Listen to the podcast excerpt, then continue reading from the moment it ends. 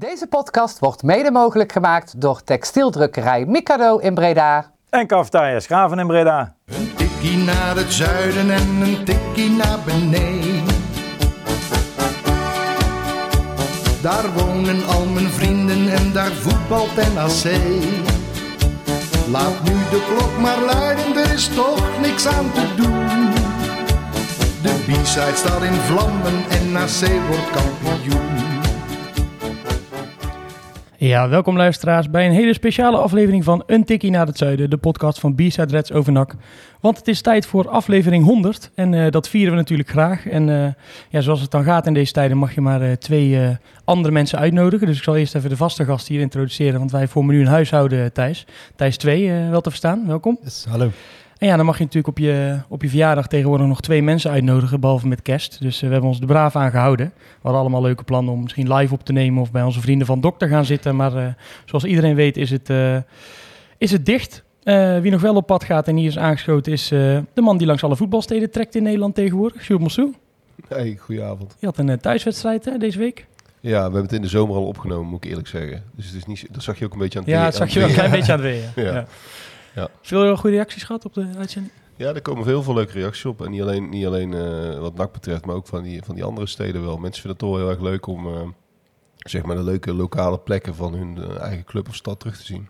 En een eh, tweede seizoen hè, gaat er komen, want je hebt de twaalf afleveringen opgenomen. Ja, nee, we hebben, ja, we hebben er tien opgenomen en we gaan er nu, eh, we proberen er in maart, april, zeg maar, die periode nog tien op te nemen. En de bedoeling is dan om zeg maar de eerste twintig eh, clubs van de Eredivisie ranglijst alle tijden ongeveer eh, te, te, te portretteren. Ja, dat, jij moest natuurlijk zo framen dat je nak Tuurlijk. erin kon, erin, erin kon fietsen. keihard over, Ja. over vergaderd. Ik zeg, ja, met, wat moeten we met RKC, jongens? We moeten toch naar NAC? Ja, Ja, daar waren ze het wel heel snel mee eens. Nou, gelukkig. En eh, iemand die na meer dan 400 eh, officiële wedstrijden in betaald voetbal de schoenen aan de wil ging in, in september. En die eindigde met, de met de prachtige woorden, woorden op Instagram. Messi weg bij Barcelona, Ronaldo back home, Mbappé toch niet naar Real Madrid en Luik stopt zijn carrière. Wat een zomer. Welkom Kees. Ja, dankjewel. Hoe is het? Goed. We waren Ja. net al even aan het voorbespreken. Je bent natuurlijk voetballer af. Is het Ja. een, beetje, een beetje te doen of eh, verveel je al? Nou, tot nu toe uitstekend te doen. Eh, volgens Sjoerd komt de klap pas na een jaar, dus ik hou me hard vast. maar nee, ik, eh, dit bevalt me heel goed. Ik heb genoten van al die jaren als profvoetballer. Maar als ik toch nu naar mezelf kijk, denk ik wel van, er valt ook wel weer wat van me af. En het was ook mooi geweest. Het, het zou niet meer mooier worden. En ja, super tijd gehad. En ik kijk er alleen maar mm, prettig naar terug. En eh, nu geniet ik van andere dingen. En je bent al eh, behoorlijk druk, gaan we het later nog, eh, nog over hebben. Maar er is genoeg te doen. Wat ik al zei, vandaag eh, de honderdste uitzending. En ik had het even opgezocht van tevoren, Thijs. Maar eh, ja, jij was bij de eerste en bij, eh, bij de laatste. Ja, is het, of de laatste, de honderdste. Tot- ja, tot, de nu toe. Geen nieuws hier. Maar eh, eh, ja, wat is nou in die, in die, in die honderd, in die ongeveer bijna twee jaar jou het meest bijgebleven van alles? Ja, nou, toch een beetje... De eerste vond ik in ieder geval heel erg onwennig, want eh Levine wilde het natuurlijk heel graag doen. Die is inmiddels weg bij Bizet Reds, natuurlijk superveel initiatief altijd genomen. En eh, ja, ik vond het in het begin wel heel erg spannend. En Levine zei, ja, dat moet je gewoon doen, dat maakt eigenlijk niet uit. En ik vind wel dat bij de meeste merken dat het nu eh, wat normaler is geworden. En dat we best wel ja, gewoon een vast product hebben. En die ontwikkeling vond ik in ieder geval heel leuk om helemaal mee te maken. Want ja, zeker als je nu die eerste stukjes zou terugluisteren, dan is het allemaal heel erg onwennig, een beetje spannend nog. En dan merk je wel aan alles. En in die zin vind ik het wel, ja, wel goed gaan, zeker. Ja, de samenstelling verandert natuurlijk ook. Wie- Ja, Sjoerd, jij komt wel eh, af en toe eh, terug. En eh, het, ja, het is goed dat we jou een keer op een feestje uit hebben genodigd. Want ik was ook een beetje terug aan het kijken. En meestal kom jij als, eh, als de ellende, als het stadion eh, in de brand staat. Nou, wees, ja, dus nu feest omdat het de honderdste is. Ja, precies. Ja, Ja, ik zeggen, nee, niet- niet- op ons feestje. Hè? Nee, voor de rest gaat het nog niet echt Ik lekker. wou zeggen, bij NAC valt niet zoveel te vieren Nee. op dit moment. Welke is jou, ja, we hadden het er net kort over. Ik weet niet of dat degene is die jou het meest is bijgebleven. Nou we, ja, we hebben de ontslagronde gedaan natuurlijk. Nee, en, eh, sowieso. Dat eh, vertrek van Lokhoff, die, eh, dat was een live podcast, geloof ik, hè? Ja. Ja. Ja, die was in alle opzichten niet alleen om de podcast zelf, maar die hele dag was memorabel. Om alle verkeerde, eh, verkeerde redenen eigenlijk. Want het, dat was een van de dieptepunten uit mijn uh, nakleven. ja, dat was, dat was natuurlijk een bizarre, bizarre ontwikkeling... waar we nog steeds eh, de rookpluimen van het, eh, boven het stadion zien hangen. Nou ja, het is natuurlijk ook een beetje het einde van het jaar. En, en dan ga je een beetje terugdenken over 2021. Ja, dit is wel het grootste rukjaar, eh, denk ik, geweest dat ik in 30 jaar heb meegemaakt. ja, In alle opzichten. ja. Maar dat wil wel wat zeggen op zich natuurlijk. Ja, maar we moeten ook niet mensen met heel veel chagrijn overvoeren. Zometeen gaan we heel positief over Ja, het nieuwe precies. jaar praten. Ja, precies. Laten we dat eh, hopen. Voor, niet voor jou je debuut, eh, Kees, in een podcast. Want eh, ja, je bent ook al aangeschoven bij, eh, bij ESPN, bij, eh bij Voetbalpraten in ieder geval. Ik luister hem altijd podcast. Het is natuurlijk ook een tv-show. Oh ja. Is, is dit een rol voor jou? Vind je dit leuk eh, om, om vaker te gaan doen? Ja, ik hoor mezelf graag praten. Dus, eh, nee, ja, ik, ik, ja, nee, ja, ik vind het leuk. Ik vind het interessant. En eh, ja, het zal moeten uitwijzen of dit wat voor me is. Eh, maar ik, ik, ik denk het wel. Ik, ja, ik, ik maak een grapje. Ik, zie, ik hoor mezelf graag praten. Maar ik heb ook wel wat leuks te vertellen hier en daar. Dus eh, dat deel ik ook weer graag. En je vindt, je vindt Zolang ook gewoon- ja. mensen er ook nog graag nog naar luisteren, dan, eh, dan vind ik het helemaal goed. Kees Wat- is nooit bang geweest om iets te zeggen. En veel voetballers zijn toch wel een beetje bang om iets te zeggen. Die, die kijken altijd een beetje om zich heen. Ja. eh, jij praat al, hij praat al redelijk vrij uit. Het is niet omdat hij erbij zit, maar dat is ook een beetje om de druk op te voeren voor deze podcast. Ja. Ja, viel me ook op hoor, in, de er voorbereiding. gelijk in. Ik ben daar heel... eh, Ja. Ik ben daar wars van. Maar het is wel interessant, want als je bij ESPN gaat zitten, dan ga je opeens wel nadenken. En dan zit ik dan een keer en dan, eh, ah, dan zegt iemand tegen me van... eh, nou, Max Huiberts eh, zal niet zo blij met je zijn na vanavond. Ik zeg, ja, hoe- daar ben ik helemaal niet mee bezig. Nee. Weet je wel, ik bedoel... eh, maar dit zijn wel dingen waar je opeens over gaat nadenken. Dat je denkt, nou, misschien wil ik nog trainer worden of... eh, een andere functie bekleden. Moet je dan gaan oppassen wat je gaat zeggen? Als voetballer eh, interesseert me dat zeker niet. Maar opeens ga je er wel over nadenken. Maar ik hoop dat ik mijn, eh, mijn integriteit gewoon kan behouden zolang ik dit blijf doen. Om een kle- klein beetje in de actualiteit eh, te blijven, vind ik het wel interessant wat jij nu zegt. Moet je oppassen met wat je zegt. Want we hebben deze week bij NAC een, eh, een mini-relletje eh, gehad met een, met een speler, Mario Bilate. Ik weet niet of je dat hebt gevolgd, Kees. Ik zie Sjoerd wel knikken. Ja, dat social media bedoel je toch? Ja, Bilate is natuurlijk al een tijd lang, tijd lang geblesseerd. En deze week vond hij het eigenlijk wel, wel welletjes hoe hij bejegend werd op social media. Er was een artikel in de Bene Stem gekomen waarin de Graaf zei dat hij niet fit is. Dus ook niet zal aansluiten na de feestdagen. Dus dat NAC wel op zoek gaat naar een eh, nieuwe spits. Waarop een, eh, op een NAC-supporter heeft gereageerd. Yo Mario, eh, zou je niet je conclusies trekken en je contract gewoon inleveren? Want hoe wil je nou eigenlijk herinnerd worden in Breda als zakkenvuller? Of ja, in, in die Ja, trant eigenlijk. Nou, er is een, een hele rent van Mario Bilate op, op losgekomen. waarin hij zegt, joh, ik ben veel meer dan een voetballer. Ik, ik, hoef me helemaal naar niemand te verantwoorden... behalve naar de mensen die echt om mij, om mij heen staan. Hoe heb jij die, die ja, relletje eh, zo Eh, beleefd eigenlijk? Nou, ik vond het wel interessant wat hij zei. Ik vind eh, Mario Bilate ook echt, een- echt een leuke jongen. Ja, die, die echt wat te vertellen heeft. Dus ook iemand die niet bang is om iets te zeggen. Eh, en die ook wat breder in geïnteresseerd is dan alleen in, in voetbal. Dus, dus ik vond het wel interessant te volgen. Tegelijkertijd, ja, ehm, één kanttekening bij wat hij zei. Want ik was het eigenlijk voor 90% eens. Hij is natuurlijk ook wel gewoon voetballer. Van een club die enorm leeft hi- hier en, en bij heel veel mensen. En daar heb je natuurlijk linksom of rechtsom ook wel mee te maken. Waar ik het wel volledig mee eens ben, is dat... En dat is iets van wat je op social media heel veel ziet de laatste tijd. Mensen lijken zich helemaal niet meer te realiseren... dat als je op social media losgaat tegen wie dan ook... al is het tegen de buurman... ehm, dat dat gewoon mensen zijn. Dat je daar gewoon ook op... eh, dat, je op socia- dat je je best eens kan realiseren... dat wat je op social media zegt... dat dat, dat, dat eigenlijk hetzelfde is... als dat wij hier recht tegenover elkaar zitten.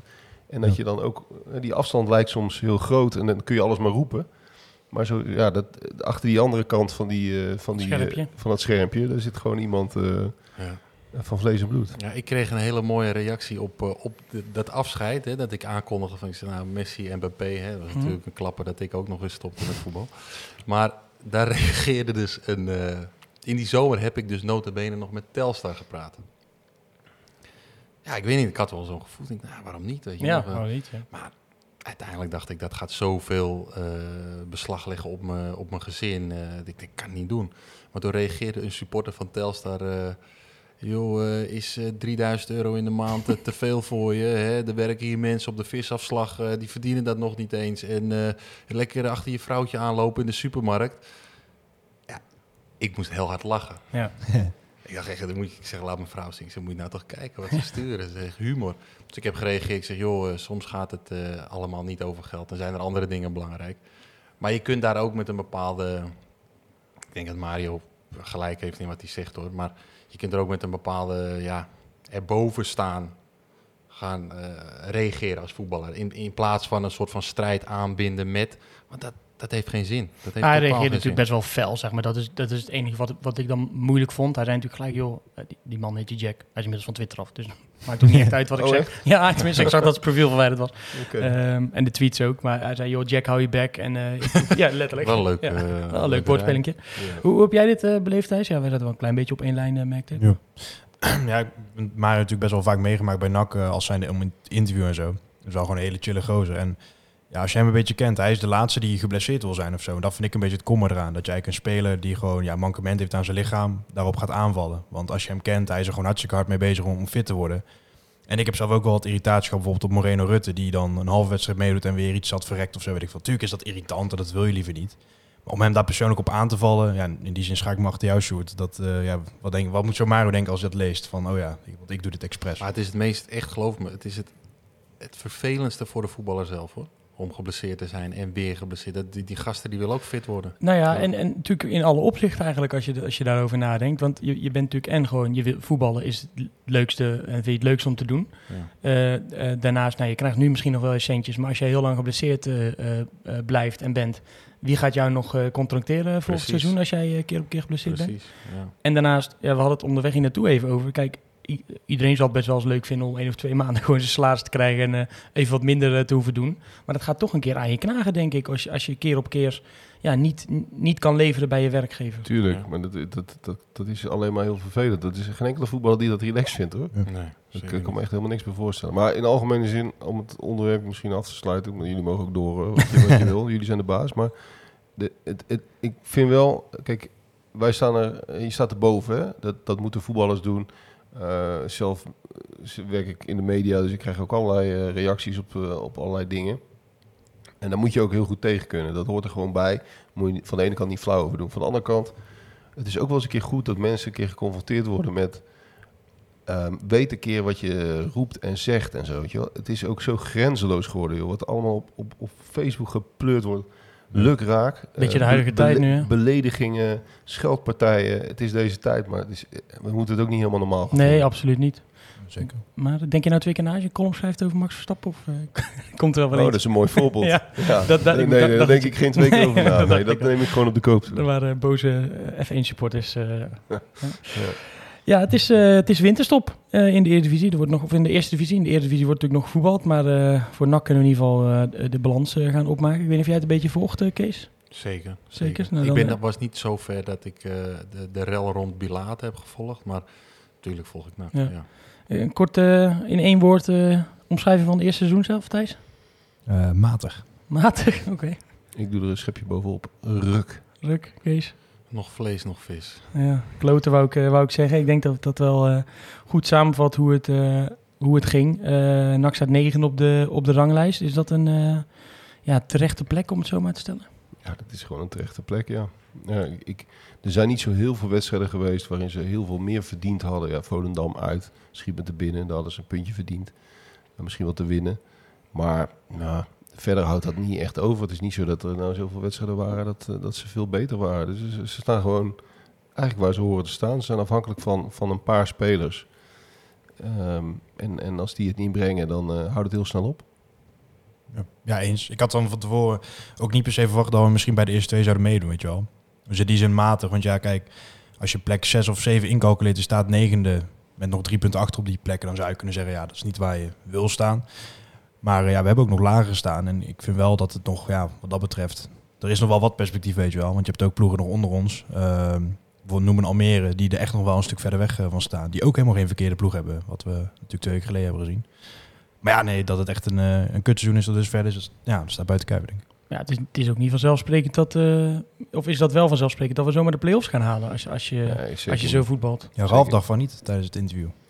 Wat ik met hem had. eh, Ja. Nee, dat- dat- nou ja, ik, ik reken daar nog niet op. Ik hou er nog niet rekening mee eh, met mijn planning in mei. eh, dat, ze, dat ze de play-off finale halen. Nee, maar dat- het is... ehm, kijk, als je het een beetje uitzoomt... Het is natuurlijk allemaal inherent aan wat er afgelopen zomer allemaal gebeurd is.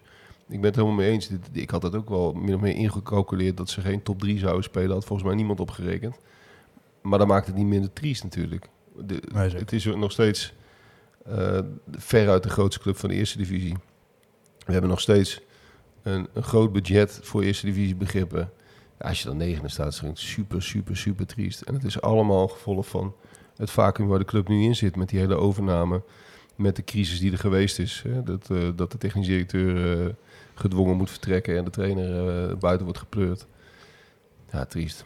Het is echt, je wordt er wel droevig van als je er een beetje over nadenkt. Ja, voordat we naar die overname gaan. eh, Ke- Kees, je hebt hier natuurlijk eh, drie seizoenen gespeeld. Woont ook al heel lang in Breda. Misschien ook wel een beetje supporter geworden. Eh, je, voelt in ieder geval een Absoluut. bijzondere club. Ja. Doet het jou pijn als je dit eh, ziet hoe het nu gaat? Eh, nou, in zoverre, kijk, ik hoop dat ik, me, ik, ik mag zeggen dat ik supporter ben van NAC, want NAC volg ik. En, eh, maar dit is niet om populair te doen, ik vind NAC een hele mooie club. Maar ik heb lang in het buitenland gezeten en dan vertelde ik altijd wel aan vrienden, aan collega's, aan mensen daar. Dan, dan praatte ik over, NAC was de club waar ik het met meeste trots over praatte. Maar ik had van de zomer, en dat gebeurde rondom de, ja, met Lokhoff, met Stijn en de- eh, wat er allemaal in de media gebeurde, eh, zonder daar eh, schuldig in aan te wijzen. Ik schaamde me op- opeens een beetje voor NAC. En dat meen ik echt. Dat, eh, ja, ik, ik moet, misschien, moet misschien ook oppassen soms, want ik weet, ik heb vorig jaar een keer een interview gegeven als speler van Roda. En toen zei ik iets over NAC. Daar vielen heel veel mensen over, dat vond ik heel grappig. Ik zei, toen zei, er werd er gezegd, ja, maar Kees, jij mag niet zeiken over NAC. Dat mogen alleen supporters doen. Toen dacht ik, oké, wacht even. Maar dus ik hoop dat ik dat wel mag doen. Maar ik had voor het eerst zo'n gevoel van, hey, ik schaam mij hiervoor. Ik ben Bredanaar, ik ga hier wonen. Ik vind het helemaal niet bij, dit hoort niet bij zo'n mooie club. Ik vind het zo, dat vond ik, dat, dat vond ik echt eh, vond ik pijnlijk.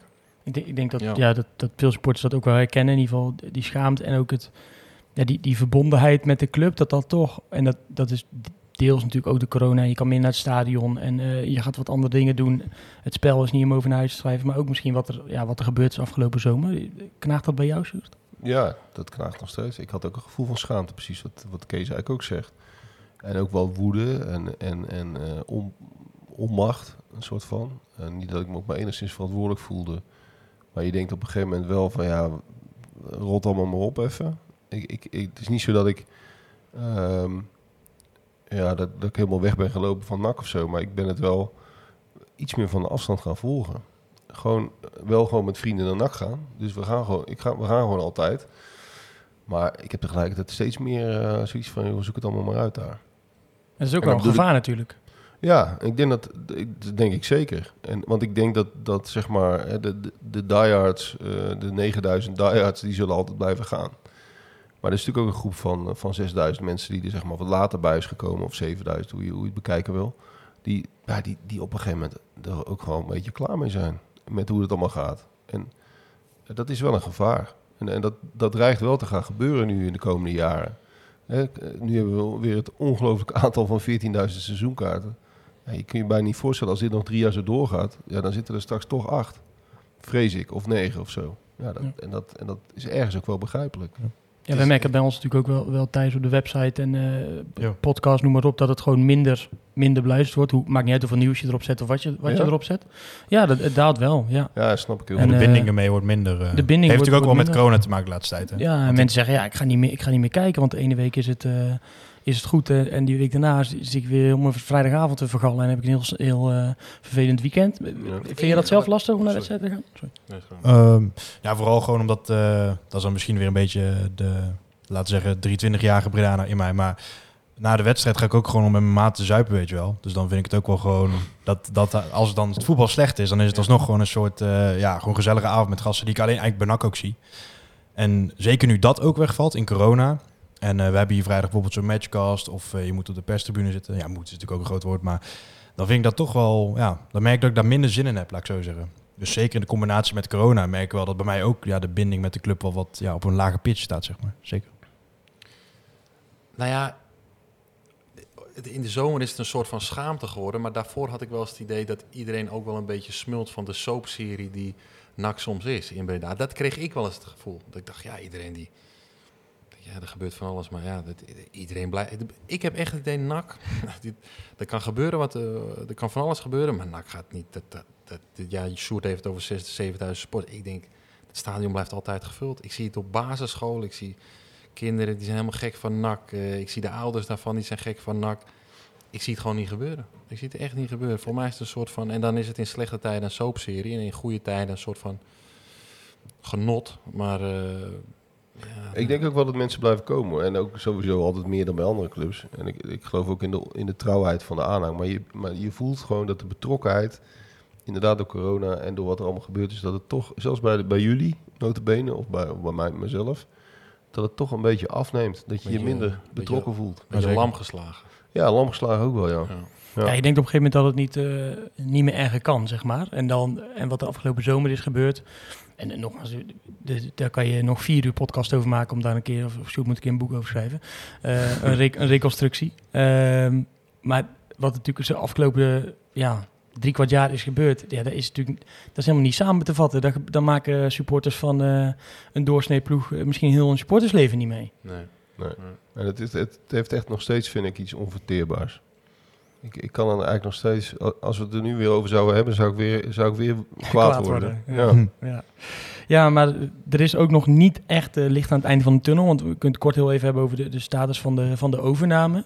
Ehm, het, het zou eigenlijk eh, in eerste instantie voor het einde, jaar, einde van het jaar klaar zijn. Maar ja, die conclusie kunnen we nu toch wel, eh, wel trekken. Nou, Manders heeft, heeft het nog niet officieel gezegd op de website van NAC. Maar Dat Ja. zegt niet zoveel. dat zegt niet zoveel. Ehm, het, eh, ja, hoe lang gaat dit nog duren?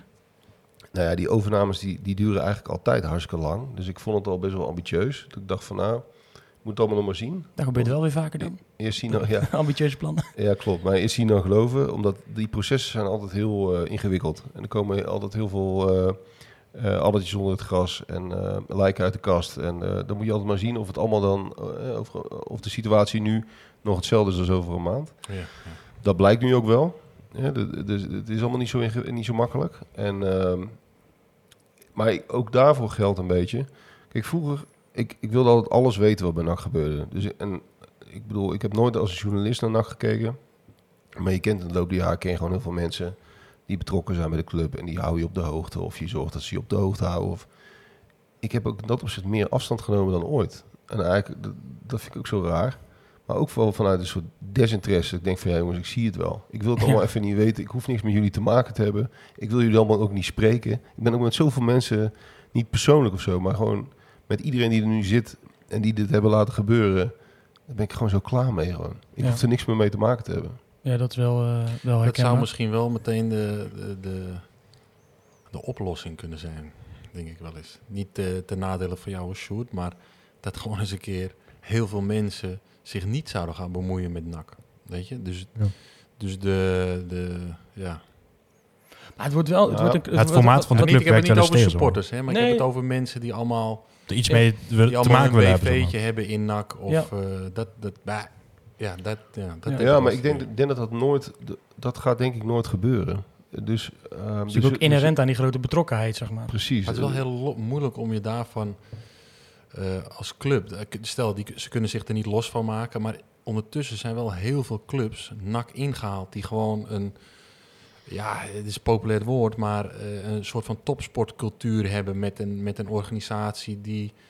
Die staat, daar zijn dingen op papier geschreven.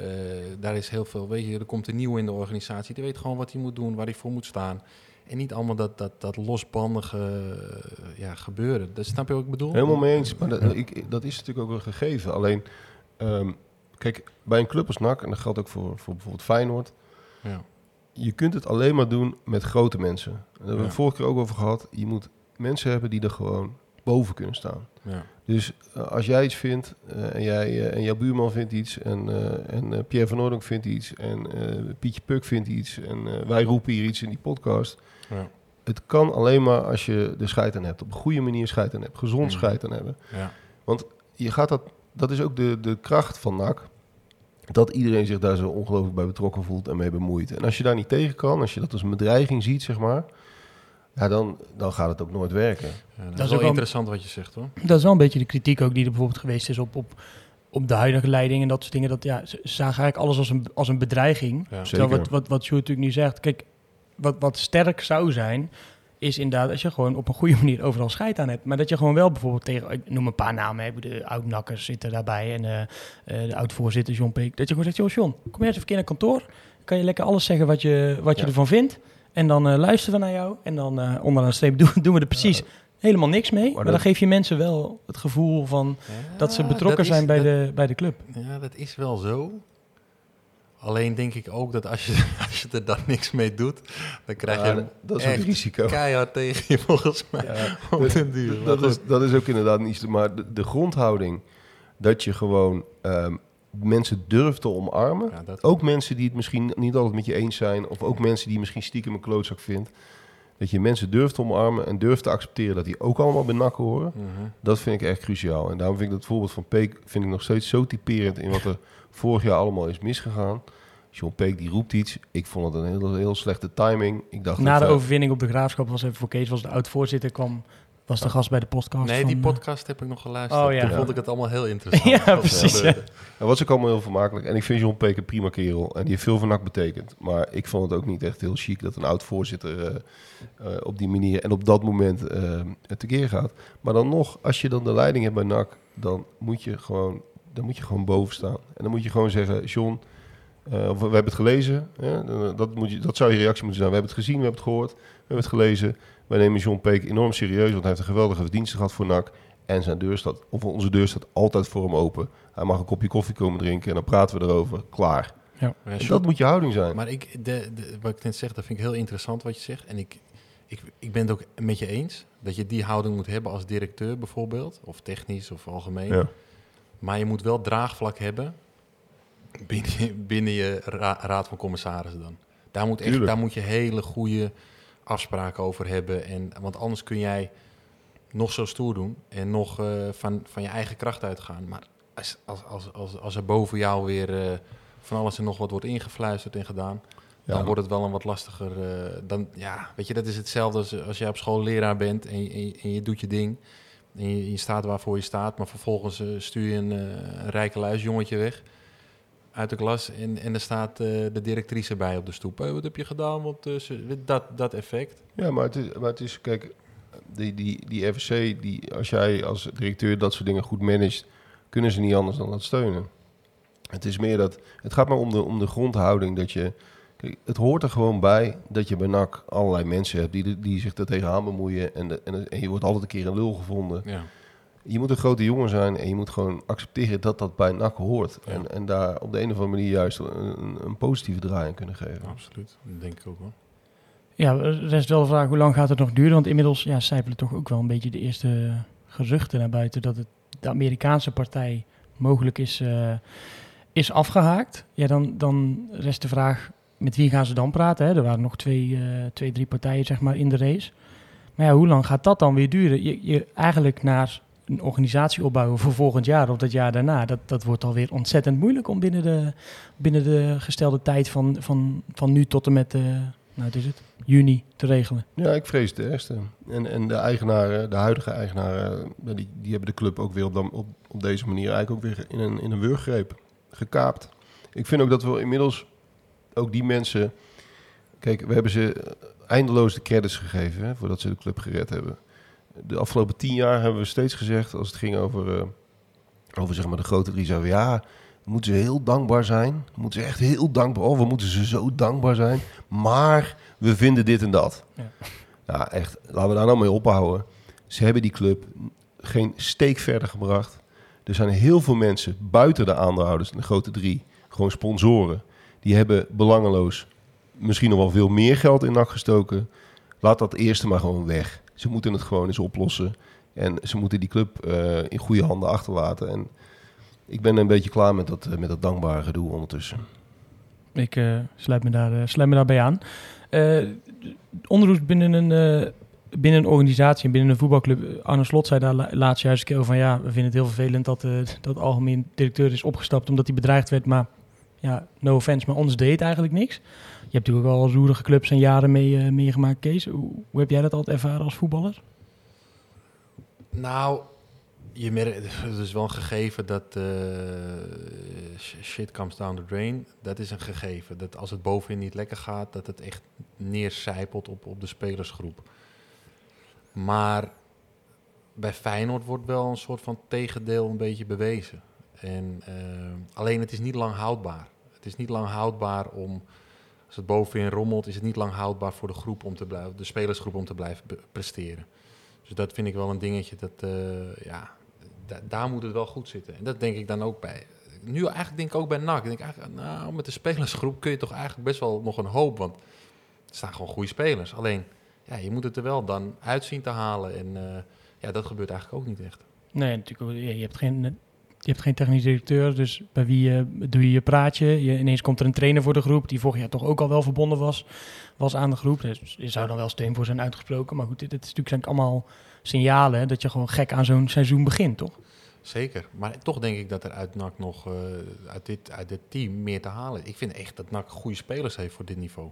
Echt hele goede spelers. Alleen, ja, het, het, het, werkt voor geen... Maar ik denk ook dat spelers bij NAC, maar ik, ik, ik ken ze niet persoonlijk, maar ik zie ook niet... eh, ik denk dat sommigen ook een beetje lam geslagen zijn, als ik er naar kijk. Het is een beetje een gevoels... eh, ding. Maar als ik dat zie, ja, ik zie spelers, dat, eh, die, zie, die, die staan er anders bij dan eh, een paar jaar geleden bijvoorbeeld. Ja, dat herken ik wel. Ik, ik word echt altijd ontzettend kwaad als ik, eh, als ik Dion Melo na de, wedstrijd, na de wedstrijd hoor zeggen, bijvoorbeeld tegen Almere, ja, het leek wel of zij een beetje meer wilde dan ons.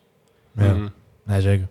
Maar dat meer uit de selectiejaren, zie je dat dan inderdaad als iets organisatorisch? Of zit dat ook bijvoorbeeld in de huidige technische staf, waar nu op ons platform natuurlijk ook veel meer kritiek op komt? Hè? Edwin de Graaf begon natuurlijk redelijk goed, in ieder geval bij- ons op de site laten zeggen, qua draagvlak. En dat begint nu ook een beetje af te brokkelen. Of zit dat echt in dat organisatorische?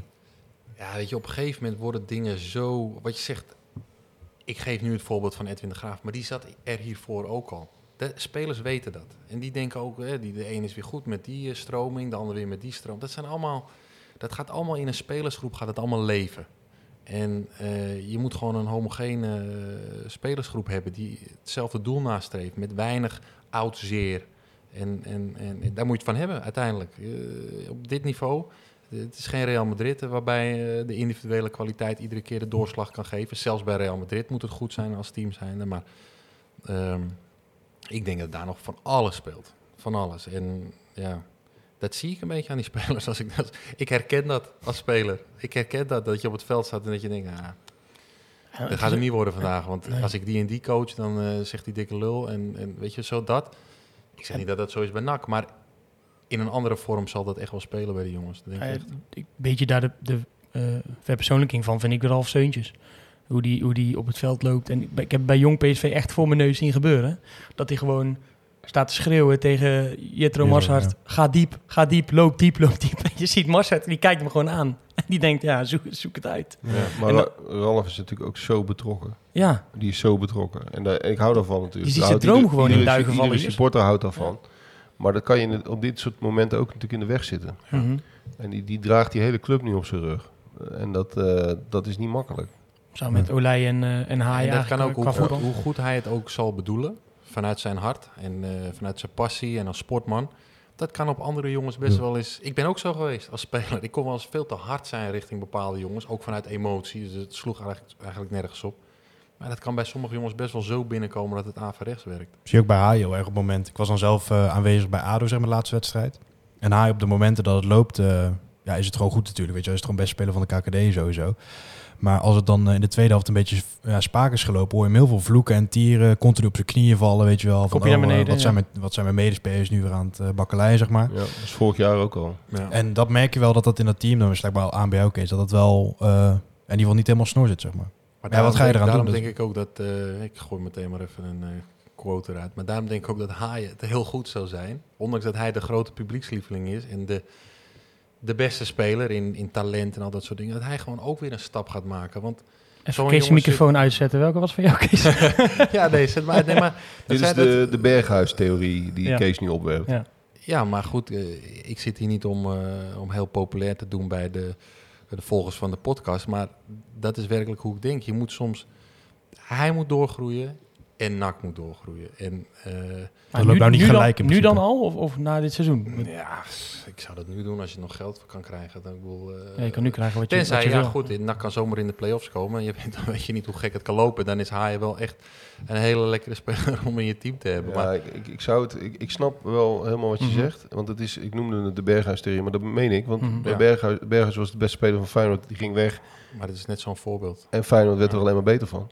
Dus dat- ik, snap, ik snap precies wat je zegt. Alleen als je hem in de winter weg doet, dan Zo. geef je wel echt het signaal van een verloren seizoen af. Nou, precies. Dus Zakt misschien ook niet in de winter inderdaad. Ik dacht nog niet helemaal als technisch directeur. Maar Je bent nog een opleiding, toch? Ja, Sportmanagement. daarom, dus eh, daarom. genoeg, eh, genoeg te leren. Ja. Eh, ja, we gaan hem voor nu maar eh, even, even parkeren. Eh, Pak even een biertje uit de koelkast, jongen. doe, dat, eh, doe dat zeker, want eh, eh, we komen ook bij het, bij het volgende Doe kopje er aan. maar nog eentje bij, Sjoerd. Haal er maar gelijk vier shoot, joh. Hè? Nu we, er toch, eh, nu we er toch zijn, zijn veel aan het praten, dus we moeten genoeg blijven drinken. En het is tenslotte een verjaardag, dus dan mag, mag het, hè. Ja, Kees, want eh, we gaan het even over, jou, eh, over je carrière hebben, want, want die zit erop. Heel kort, had je nog wat toe- toe kunnen voegen aan dit NAC? Ja, dat had ik wel gekund, ja. Had je het gewild? Ben je gevraagd? Nee, ik had het wel gewild. Ik ben denk ik blij dat het niet zo is gelopen, maar dat weet je nooit. Eh, maar ik had dat zeker gekund. Eh, ja, waarom? Omdat, kijk, NAC is een, een, een, zeker op dit moment best wel een lastige club voor spelers. Omdat NAC groter is dan zijn, dan zijn spelers. En dat, dat, dat brengt best wel wat druk met zich mee. En ik, eh, ja, dat denk ik dat je daar als speler, ik bedoel, als ik gespeeld had, wel niet gespeeld had, maar dan denk ik dat ik daar best wel jongens wat in had kunnen, in ieder geval kunnen begeleiden. En eh, ik kon nog goed voetballen, dus dat had zeker wel gekund. Maar eh, ja, wat best gekund. Ja. Maar dat zeg ik zonder wrok, hè? Dus, eh, Ja, ja, ja. ja je hebt het er prima naar je zin ook Ja. nu natuurlijk. eh, dus dat is, eh dat Weet is je wanneer ik mooi. Kees terug had moeten komen? Eh, in het seizoen dat... ehm, het, het, het, seizoen, het twe- het tweede seizoen van Vreven... Moet ik even goed denken hoor. Het tweede seizoen in de Eredivisie na de promotie met Stijn Vreven. Eh, toen sneuvelde Smulders in oktober. Moet ik even denken, welk jaar was dat? Eh, help even. Ehm, eh, Promoveerde in 2017. Bleven ze er een jaar in. één erin ingebleven. 18 toen deed deed hij hij dat, 2018. Ja. Ja. Zeg maar, de, toen ehm, maakten ze zo'n cruciale fout door, door niet een, ehm, het elftal van achteruit even stevig op te bouwen. Ze waren er toen met een jaar Oh gebleven. ja, ja, ja. ja. En toen, ha- toen hadden ze een verdedigingscentrum met die... Met die, met Palmer die- Brown en Koch, denk ik toch? ja, Nee, en Mets toch? Ja, en Mets en nog. Mets ook nog. Ja. En toen hadden ze echt behoefte aan een Nederlands centrum. Althans, een Nederlandse as eigenlijk. En van achteruit opgebouwd. En dat, toen zijn ze maar blijven wachten op Manchester City, weet je nog? Ja. En toen Kreeg je ook die keepers voor een halve keeper. wedstrijd. Ja, dat elftal stond helemaal scheef. Ja. En daar smulden ze uiteindelijk op gesneuveld. Maar dat was het moment, volgens mij. Want toen speelde jij in Denemarken. Ja, daar was ik in topvorm. nee, we waren wel goede jaren. Nee, maar serieus. ja, ja. Dat, waren, dat zijn, als centrale verdediger zijn dat echt goede Ja. jaren als je dan eh, in de 30 bent. Ja, en Ja. toen heb ik nooit begrepen, en dat ging niet alleen om Kees, maar dat had ook een jongen Jordi uit, Buis uit, die uit die categorie kunnen zijn. Dat was goud waard geweest. Juist in dat tweede seizoen Eredivisie. Maar goed, dat is achteraf. De Koch kon die rol ja, achteraf natuurlijk toch niet helemaal aan of zo, leek het wel. Nee, helemaal niet. Nee. Terwijl hij natuurlijk wel prima was toen hij me- ook met een ervaren speler naast hem. En toen met Marcellus dat half jaar. Ik denk, ik ben nog steeds van mening dat als een van die twee toen, volgens mij was het. Marcellus toen geblesseerd geraakt Koch. het einde, of Koch? Nee, het is Als een hij- uh, zware knieblessure. Als hij niet geblesseerd was geraakt richting die play-offs, dan waren we misschien nog wel eh, erin Ja, gebleven. met- Het is best wel cruciaal soms. En dat gaat niet om mij of een ander. Maar je moet spelers hebben die kunnen ook de, de, de, de, de boel een beetje dragen. En ook, ook qua druk. Ik heb dat echt ervaren. Ook toen ik net bij NAC kwam. Ik vond dat ook wel eens lastig. Maar je kon bijna geen bal terugspelen naar de keeper. Of kreeg je een boegeroep over je heen. En dan moet je wel als spelersgroep... Moet je dat een beetje gaan begrijpen. Want je gaat spelers krijgen die gaan ballen naar voren schieten. Ja. Super irritant. Ja, daar schiet je niks, eh, niks mee op, maar onderaan de streep natuurlijk. Hey, heel even over op het begin van je, van je loopbaan. Eh, je bent natuurlijk bij AZ eh, ja, grootgebracht, om het zo maar te zeggen. Mhm. ja, wat mij nog heel erg is bijgebleven is natuurlijk de ontknoping van de, van de Eredivisie in 2006, 2007. Eh, Eh, eh, waarin jij, waarin jij bij Excelsior speelde als Ja. huurspeler. Mhm.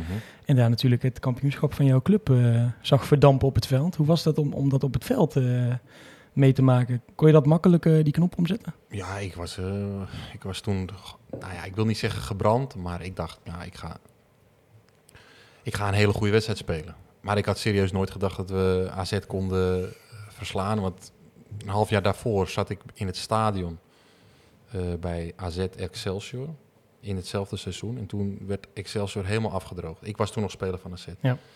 En ik zeg tegen mijn ouders van, ik zeg, nou, als, als Excelsior komt om me te huren, dan eh, ga ik het echt niet doen, want die, wel zo. Ja, die kwamen echt serieus een week later. ik denk, nou, toch maar doen. Ja. Werd een succes, we hebben een hele goede tijd Ja. gehad.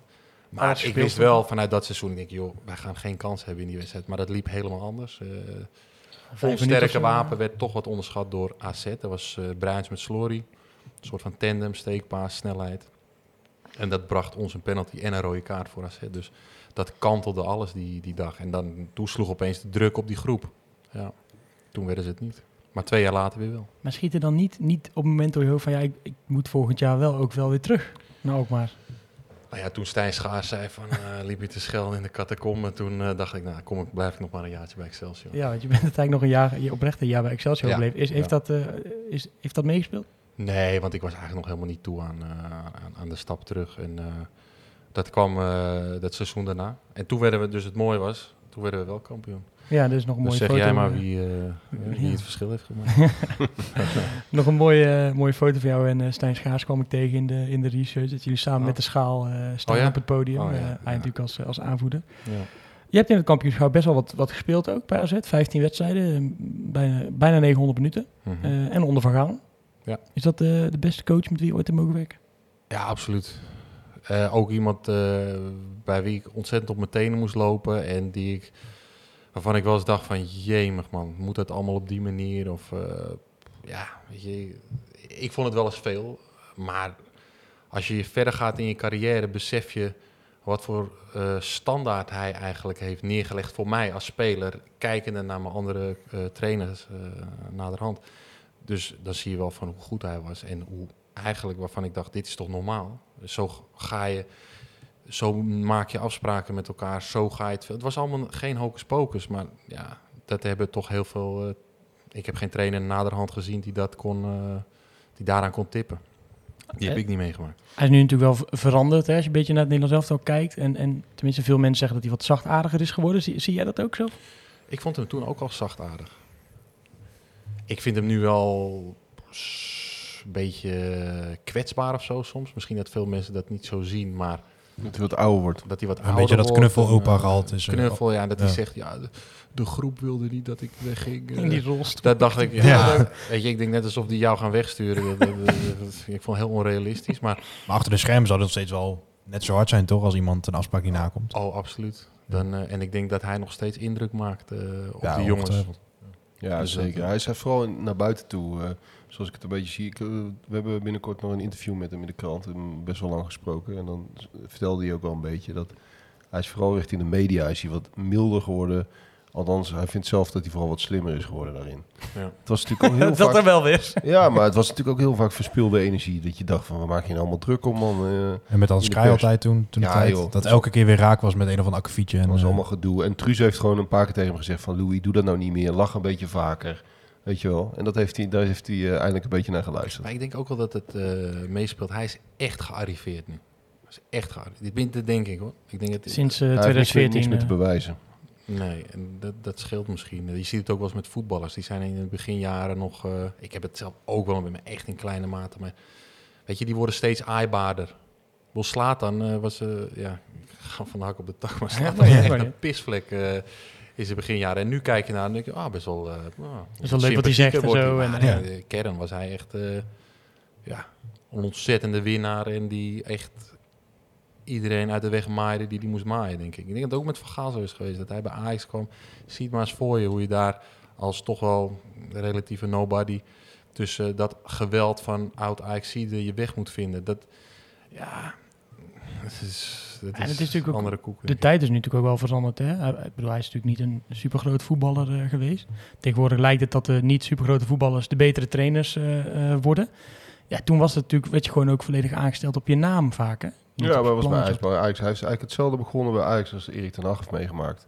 Ja. Dus de- hoe Erik ten Hag in zijn eerste jaar de, de wind van voren kreeg vanuit allerlei eh, geledingen binnen Ajax. eh, zo was dat met Van Gaal toen ook. En dat overwon hij toen. Ja. Haalde de UEFA Cup, won hij de UEFA Cup. En, en toen was het eh, eh, voorbij. Dat is eigenlijk een beetje hetzelfde als wat je nu met Ten Hag ziet. Ja, laten we een beetje weer op eh NAC betrekken. Graag. Kees, je hebt nog Champions Mensen League gespeeld. Ja, Champions ja, League ja. nog met AZ. Nee, heel, heel kort daarover nog. Champions League gespeeld. Daarna was het eigenlijk klaar. Of niet? Je hebt nog 19 minuten gemaakt in de Champions League, zag ik. En, en daarna eigenlijk niet meer gespeeld, zo'n beetje. Nee, nee, dat was heel... Wat is daar gebeurd? Ja, dat Toch onaardig geweest nee, tegen Van ja, Gaal? Opeens gaat... Nee, want die Koeman was was, was toen de trainer. Ja. Dat ging snel. Dat was, eh, ik stond nog in de basis eh, die wedstrijd na de Champions League. En eh, daarna was het... was klaar, maar toen ging AZ wilde eigenlijk al doorselecteren. Maar Koeman zag het op een of andere manier nog wel in me zitten. Maar daarna was het... ja, dan wilden ze gewoon doorselecteren. En Ja, toen kwam eigenlijk NAC al in dat seizoen. Ik zal even de brug maken naar NAC. Ja, het is de volgende, het is de volgende Nee, maar ik vind jouw Dus, eh, verhaal ja. heel interessant, maar ik wil het graag over NAC Ja, hebben. vertel er even over Ik je ook, NAC-carrière. Ik ook. Nee, toen ging ik, ja, is goed. Nee, toen, ja, toen, en toen denk ik in, hè, dat mocht daar niet, maar in oktober, november begonnen, eh, begon ik met NAC te praten, met Stuart van As, Maaskant. En ehm, toen waren wij dus eigenlijk al, ik was transfervrij dan, was ik eigenlijk al voor het nieuwjaar rond met NAC. Ja. Waardoor NAC op hun eh, nieuwjaarsreceptie kon zeggen, nou oké, we hebben dit en dat gedaan, eh, Kees komt. En, en eh, toen ben ik al snel lekker naar een huisje gaan zoeken in Breda. En ehm, ja, zodoende. Ja, want ik zag een, kwam een ANP nieuwsberichtje tegen dat, dat jij toen al aangaf van ja, het liefst ga ik nog in de winter, maar dan moeten de clubs nog maar even Ja, uitkomen. ja, dat is toen niet meer gelukt. Dus, dus kwam Den Haag, kon ik naar Den Haag. Ja, dat vond ik wel super. Dan kon ik daar nog wat spelen. Tegenwoordig hebben we best wel een hekel aan alles wat uit eh, Den Haag komt richting Ja, Breda, maar ja, toen eh, ja. werd, het nog wel, eh, werd het nog wel gewaardeerd. Maaskant is natuurlijk wel de persoon die jou gehaald heeft, samen met, met Stuart en, en Van As toen. Nou, ik denk dat je er drie weken zat en dat hij eh, ja dat hij dat was wel, was wel bijzonder. Dat waren drie fantastische weken met Maaskant. Nou ja, goed, ja, dat is heel gek. Ja, joh, ik echt... NAC, eh, dat was heel gek hoe dat allemaal ging toen. Ik dacht, nou, het zal me wel, het hoort er wel bij, voetballerij. Maar Stuart, ik zit in Griekenland op vakantie en Stuart Maaskant gepraat en Van. En Stuart belt me op en joh Kees, eh, we hebben een heel verhaal met je gehad eh, in de winter. En, eh, maar ja, er gaat nu allemaal slecht nieuws naar buiten komen. en, en ik zat lekker op het strand. Ik zeg, ja, nee, goed Ernest, met mijn goede gedrag. Ik zeg, ja, ja neem prima, maar bedankt dat je me nog even laat weten. En, terwijl eigenlijk, het is natuurlijk helemaal, helemaal kut voor je carrière dat dat gebeurt. Maar op dat moment dacht ik, joh, we gaan bij NAC voetballen en eh, dat komt wel goed hoor, we gaan er wat van maken. Maar ja, realistisch gezien zou je moeten vo- voelen als voetballer. Eigenlijk als zaakwaarnemer moet je dan weten van, nou dit, eh, dit ziet er niet goed uit. Ja, je zag alles in elkaar klappen. En Maaskant was daarna eventjes weg, eh, die ging naar Krakau. Ja, jongen, dan hadden we een nieuwjaar, nieuwjaarsreceptie. eh, toen zei de voorzitter van, ja jongens, er is een, s- het, ziet, nou ja, het ziet er allemaal goed uit voor het nieuwe jaar en dit en dat. Drie weken later was het 6 miljoen schuld. Twee weken later was het 8 miljoen, uiteindelijk was het 11 miljoen schuld. Welkom, welkom bij NAC. Ja. En, ja. en toen was, daar kwam Ed Busselaar, die, die moest dan eh, saneren. Ja, dat was wel mijn binnenkomst bij NAC. Maar eh, ik, eh, ja, ik heb ook... eh, ik, ik heb daar, ja, als voetballer ben je daar minder mee bezig. Ik was eh, ja, bezig met voetbal en ook Breda, de stad, was, was, was gewoon echt eh, voor mij een eh, openbaring eh, om, om hier te leven. En, eh, ja, super... eh, Ja, waarom klikt dat zo? Want, want je, je hebt hier drie jaar gespeeld, je hebt hier wel langer gewoond volgens mij. Ja. Eh, je woont hier nu nog, eh, nu nog steeds. Ik denk Mhm. ook niet dat je per se meer weggaat. nee. Waarom, waarom klikte Kees Luiks en Breda zo goed? Ja, dat... eh, Buiten de stammenee en de liquid. Ja, inderdaad, daar heb ik vandaag nog over gehad. Die vloer van de liquid, die wilde ik meenemen. Maar goed. dat is Legendarisch. Ja. ja ik, de- de- kijk, ik kom natuurlijk... Ik ben wel een gezellige jongen, dus ik, ik hou wel van eh, contact met mensen. Maar ik kwam wel bij AZ vandaan. En wat ik zeg, daar moest ik echt op mijn tenen lopen. Dat was... Ja, joh, ik, ik, ik, ik voelde me apart als ik na de wedstrijd een biertje dronk in het spelen zo. Want er was niemand verder. Iedereen was snel naar huis. Dus ja, bij NAC kwam ik er al vrij, vrij, vrij snel achter dat dat allemaal kon. En gezelligheid en, en ja, eh, gemoedelijkheid. eh.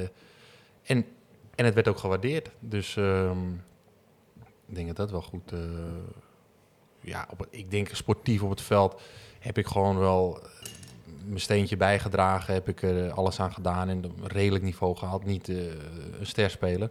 Maar ik denk die, die combinatie is... eh, maar ik, ik weet niet hoe het van de andere kant van de supporters associëren van de mensen in Breda. Maar ik, ik heb het gewoon heel goed naar mijn zin gehad. Ja, jaren geleden heb je wel eens verteld, eh, toen hadden we het hier ook wel eens over. En toen vertelde jij van ja, toen kwam je van AZ. Ja, En dan, eh, dan woon je ook in de stad geloof ik, in Alkmaar, in het centrum. ja, ja.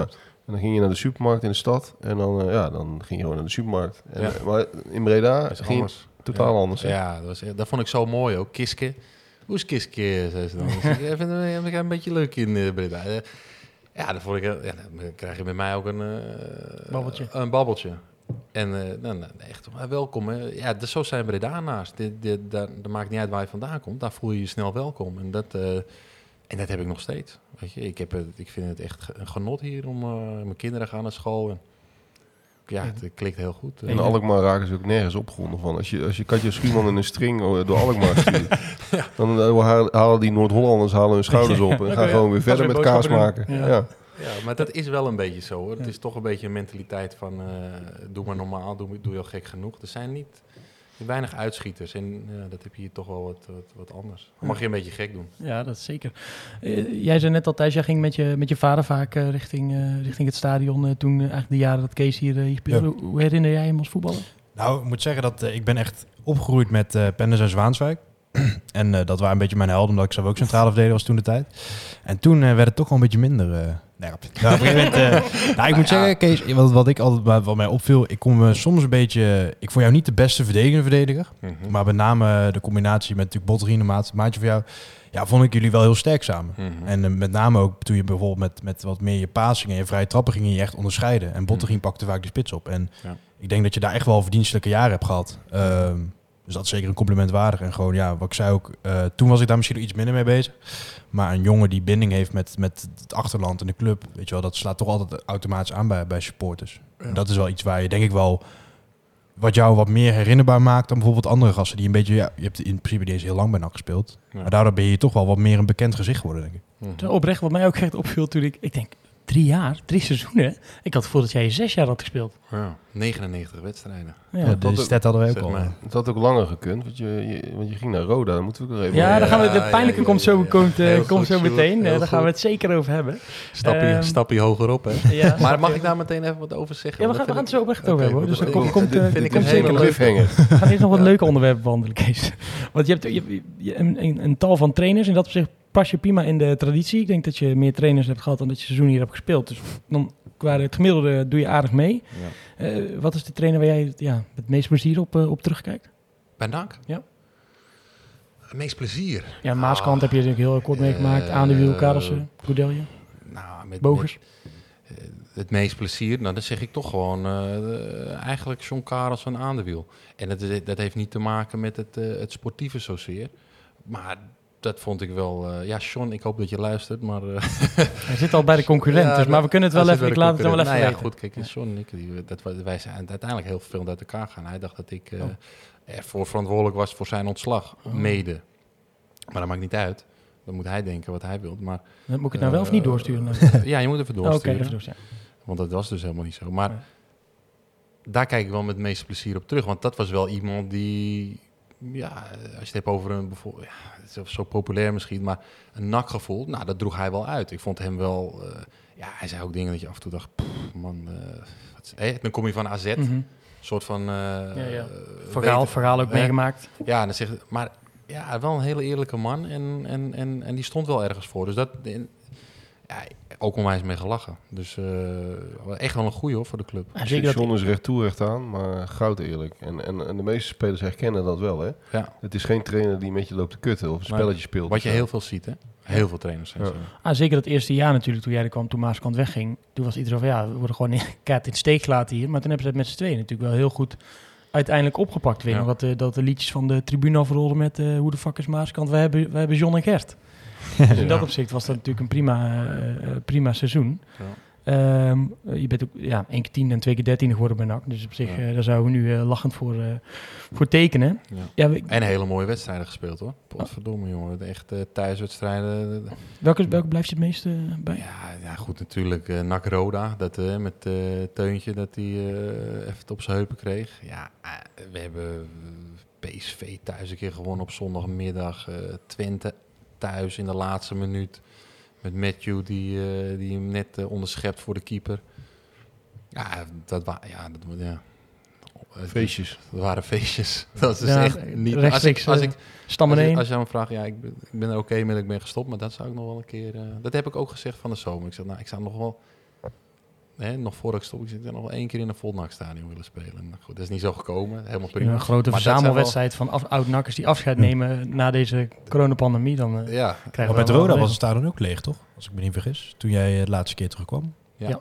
ja. Dus, ja, eh, dat klopt. is wel lang geleden dan in principe dat je ja. in een zou. Ja, ja, dat is heel lang geleden. Heel lang. Maar dat waren wel mooie, ja, mooie avonden die we toen hadden. Of middagen. Hè. Middagen hadden we ook Ja. soms zondagmiddag. Ja. Ja, Ja, we moeten het er toch even over hebben. Wat het eigenlijk het meest bizarre eh, tafereel wat zich heeft afgespeeld op het, op het veld. En eh, iedereen wist gelijk waar we het over hadden toen wij een wc-pot twitterden. Toen, eh, en we mogen iemand te gast, wie zal het zijn? Kort Pot werd nog even geopperd. Maar, Had ook gekund. had ook gekund, ja. Zeker met de berghuistheorie die hier wordt losgelaten. Maar eh, ja, jij moest gewoon even heel nodig naar de wc en nak-nek. Nak, nek, ja. En ik was al in de rust geweest. Toen dacht ik, nou... In de nu rust. zit- nu, nou ja, in de Vlak rust. voor de wedstrijd bedoel je? Nee, want het was in de tweede helft dat ik naar de wc moest. Volgens mij niet, toch? Want Ja. jij kreeg toch een kaart? Eh, nee, eh, volgens mij niet. Voor mij heeft de scheids het niet doorgehad. Oh. Maar in ieder geval was het rond de 60ste minuut. Maar in de rust voelde ik hem al... eh, Oh. Ik had voor het eerst vegetarisch gegeten met een maat van me die Levensgevaarlijk. was. Ja, Ja, nee, maar je echt, moet eh, gewoon onbeperkt op Ja, precies. precies. Oh ja, volgende dag had ik het geweten. En ehm, ja, dus in de, ik zeg in de 60ste minuut, ik had die bal aan mijn voeten en ik, ik, ik liet me even een beetje zo vallen. En toen kwam Frank Ragas, de fysiotherapeut, met zijn zakje het veld op. Hij zei, wat is er hand? Ik zeg, ik heb niks, maar ik zeg, moet naar de wc. Ik zeg, ja, wat moet ik nou? Ja, zet die, eh, weet ik veel. eh. ik zeg, nou, ik loop wel met je mee naar de kant. En, eh, maar dan heb je bij NAC, die trappen, Ja. dat is natuurlijk een drama. Dus, Ja.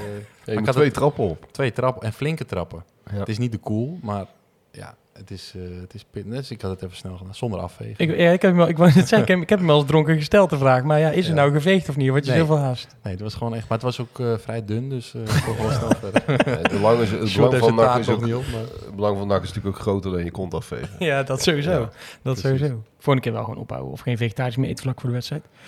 Ehm, ja, je hebt met behoorlijk wat eh NAC-iconen toch ook nog samengespeeld. Eh, we hebben straks de grote Kees Carrières eh, quiz. Dus eh, daar komen er zeker ook nog wat voorbij. Maar ik noem ja, Penders, Moa, Leurling, Terouwelaar, Leonardo. Ja. Ehm, wie, eh, behalve Robert Schilders, waren jouw vrienden en eh, spelers waar je goed mee omging in de, in de stad? Ja, ik ging In de- goed in de- in de met, met Alex, Eumer. Eh, dat waren wel jongens die vonden, dat vonden wij heel leuk. Neno, Neno was, stond wel iets verder bij me vandaan qua persoon, maar ja, dat waren wel, dat waren wel drie jongens. Toch een beetje de. Bredaanse gasten dan. Ja, en Pim Bouwman, dat vonden wij wel. Robert en ik bijvoorbeeld vonden we heel gaaf dat die gasten eh, door met. Robert was je echt heel goed, hè? De Robert heel goed, nog steeds goed. En, eh, dus, ja, en Alex, daar heb ik nog steeds contact met. Eumertje ook trouwens wel eens. eh hangt nog een, of hangt niet. Ik heb hem ergens weggelegd. Een shirt van Galatasaray bij ons thuis van hem. Ja, dat, die jongens, dat was leuk. En ja, Tim Gillissen nog contact mee. Hmm, ja, dat, dat is uit die tijd denk ik wel eh, met wie ik nog spreek. Ja. Tim Gillen zei ik ook, je benoemt hem heel even, maar ook doodzonde dat hij eh, niet gewoon in Breda een stoel heeft gekregen. Ja, en dat is een beetje wat ik bedoel. Ik, Sjoerdse punt begrijp ik helemaal. En daar ben ik het eigenlijk ook wel mee eens. Maar dat is zo iemand die bijvoorbeeld een, eh, een soort van... Ja, het is ook weer populair woord, maar ik, ik vind dat wel. Een soort van raamwerk kan neerleggen voor een club. Waarin gewoon lijnen en structuren duidelijk zijn. Dit klinkt een beetje abacadabra misschien, maar dat er duidelijkheid is. Weet je, zo werken we. En je kunt niet buiten de lijntjes kleuren. En je kunt niet je eigen tokootje opstarten binnen. Gewoon een voetbalclub. En iedereen heeft het belang van de club eh, te dienen. Dat, simpel. En Volgens ik denk ja. dat Tim zo iemand is. Ja, dat is gewoon een nuchtere tukker. En ja, maar ja, die gaat naar Herakles, omdat daar liggen dat soort... ehm, En daar, dat- daar lag al een raamwerk. En dan was voor Tim van, hey Tim, Ja. kom jij hier binnen? Ja, precies Eh, dat. zo en zo werken we. Een warm bad. Dat Een jaar geleden hebben- ja. Dat makkelijk gekund. Een jaar geleden hebben we het natuurlijk in die podcast toen er ook een keer over gehad, of anderhalf jaar geleden naar de grote ontslagronde. Toen was een van de dingen die zei, je hebt eigenlijk maar gewoon drie mensen nodig in een driehoek die goed samen kunnen werken. Precies. Ja, een van die. Een van die poppetjes had natuurlijk gewoon echt, echt makkelijk Tim Gillis kunnen zijn. Makkelijk. En dan had, eh, had ik noem maar, is even vrij geassocieerd, maar dan had eh, Ton had eh, hoofdscouting of jeugdopleiding kunnen, kunnen zijn, of weet ik veel wat. Je had altijd een goede combinatie kunnen vinden, maar je had Tim notabene in huis. En dat, het meest, dat heb ik altijd het meest bizarre gevonden. Kijk, toen ze Smulders ontsloegen, viel misschien wat voor te zeggen, was ook wel heel veel emotie zat daarbij. Toen was Tim gewoon in huis. En toen hadden ze gewoon, En Tim wilde, hè? en hij wilde, ze hadden gewoon geen plan B. Ze hadden totaal geen plan B. Ze zijn van links naar rechts gegaan. Maar dat is ook zo belangrijk binnen club. nergens toe. Dat je, een, dat je iemand hebt. Je hebt stel je hebt Smulders. Maar dat Smulders, dat daar ook gewoon een afspraak ligt van... hé, Smulders, als jij weggaat... dan moet jij al wel iemand hebben ingewerkt, als het ware, al een jaar. Of weet ik, dat, je, dat je daar ook mee bezig bent. Niet dat opeens die hele koers totaal wordt... Dat alle, alle lijnen die een club heeft liggen... die Smulders met België bijvoorbeeld... dat die in één klap allemaal weg zijn. Slechte lijnen, dat is allemaal prima, dat dat dan weg. Maar er liggen ook hele goede eh, dingen nog eh, die zijn gerealiseerd. Nou, dat is een beetje wat ik bedoel met, ja, dan heb je Tim. Ja, tegenwoordig blijven ze niet eens lang genoeg om het plan af te schrijven. Of eh, het is een mailtje naar de sporters met 10 punten. Dus daar schieten we ook niet zo eh, eh, gek veel mee op. Want ik, ik verwacht dat van dat plan ook niet zo gek veel van overblijft. Als de overname uiteindelijk rond is. Ehm, ja, toch gaan we komen we nu wel bij het moment, Kees. Want mei 2013. Ik heb het interview even, even teruggekeken vandaag, wat je bij Omroep Brabant gaf.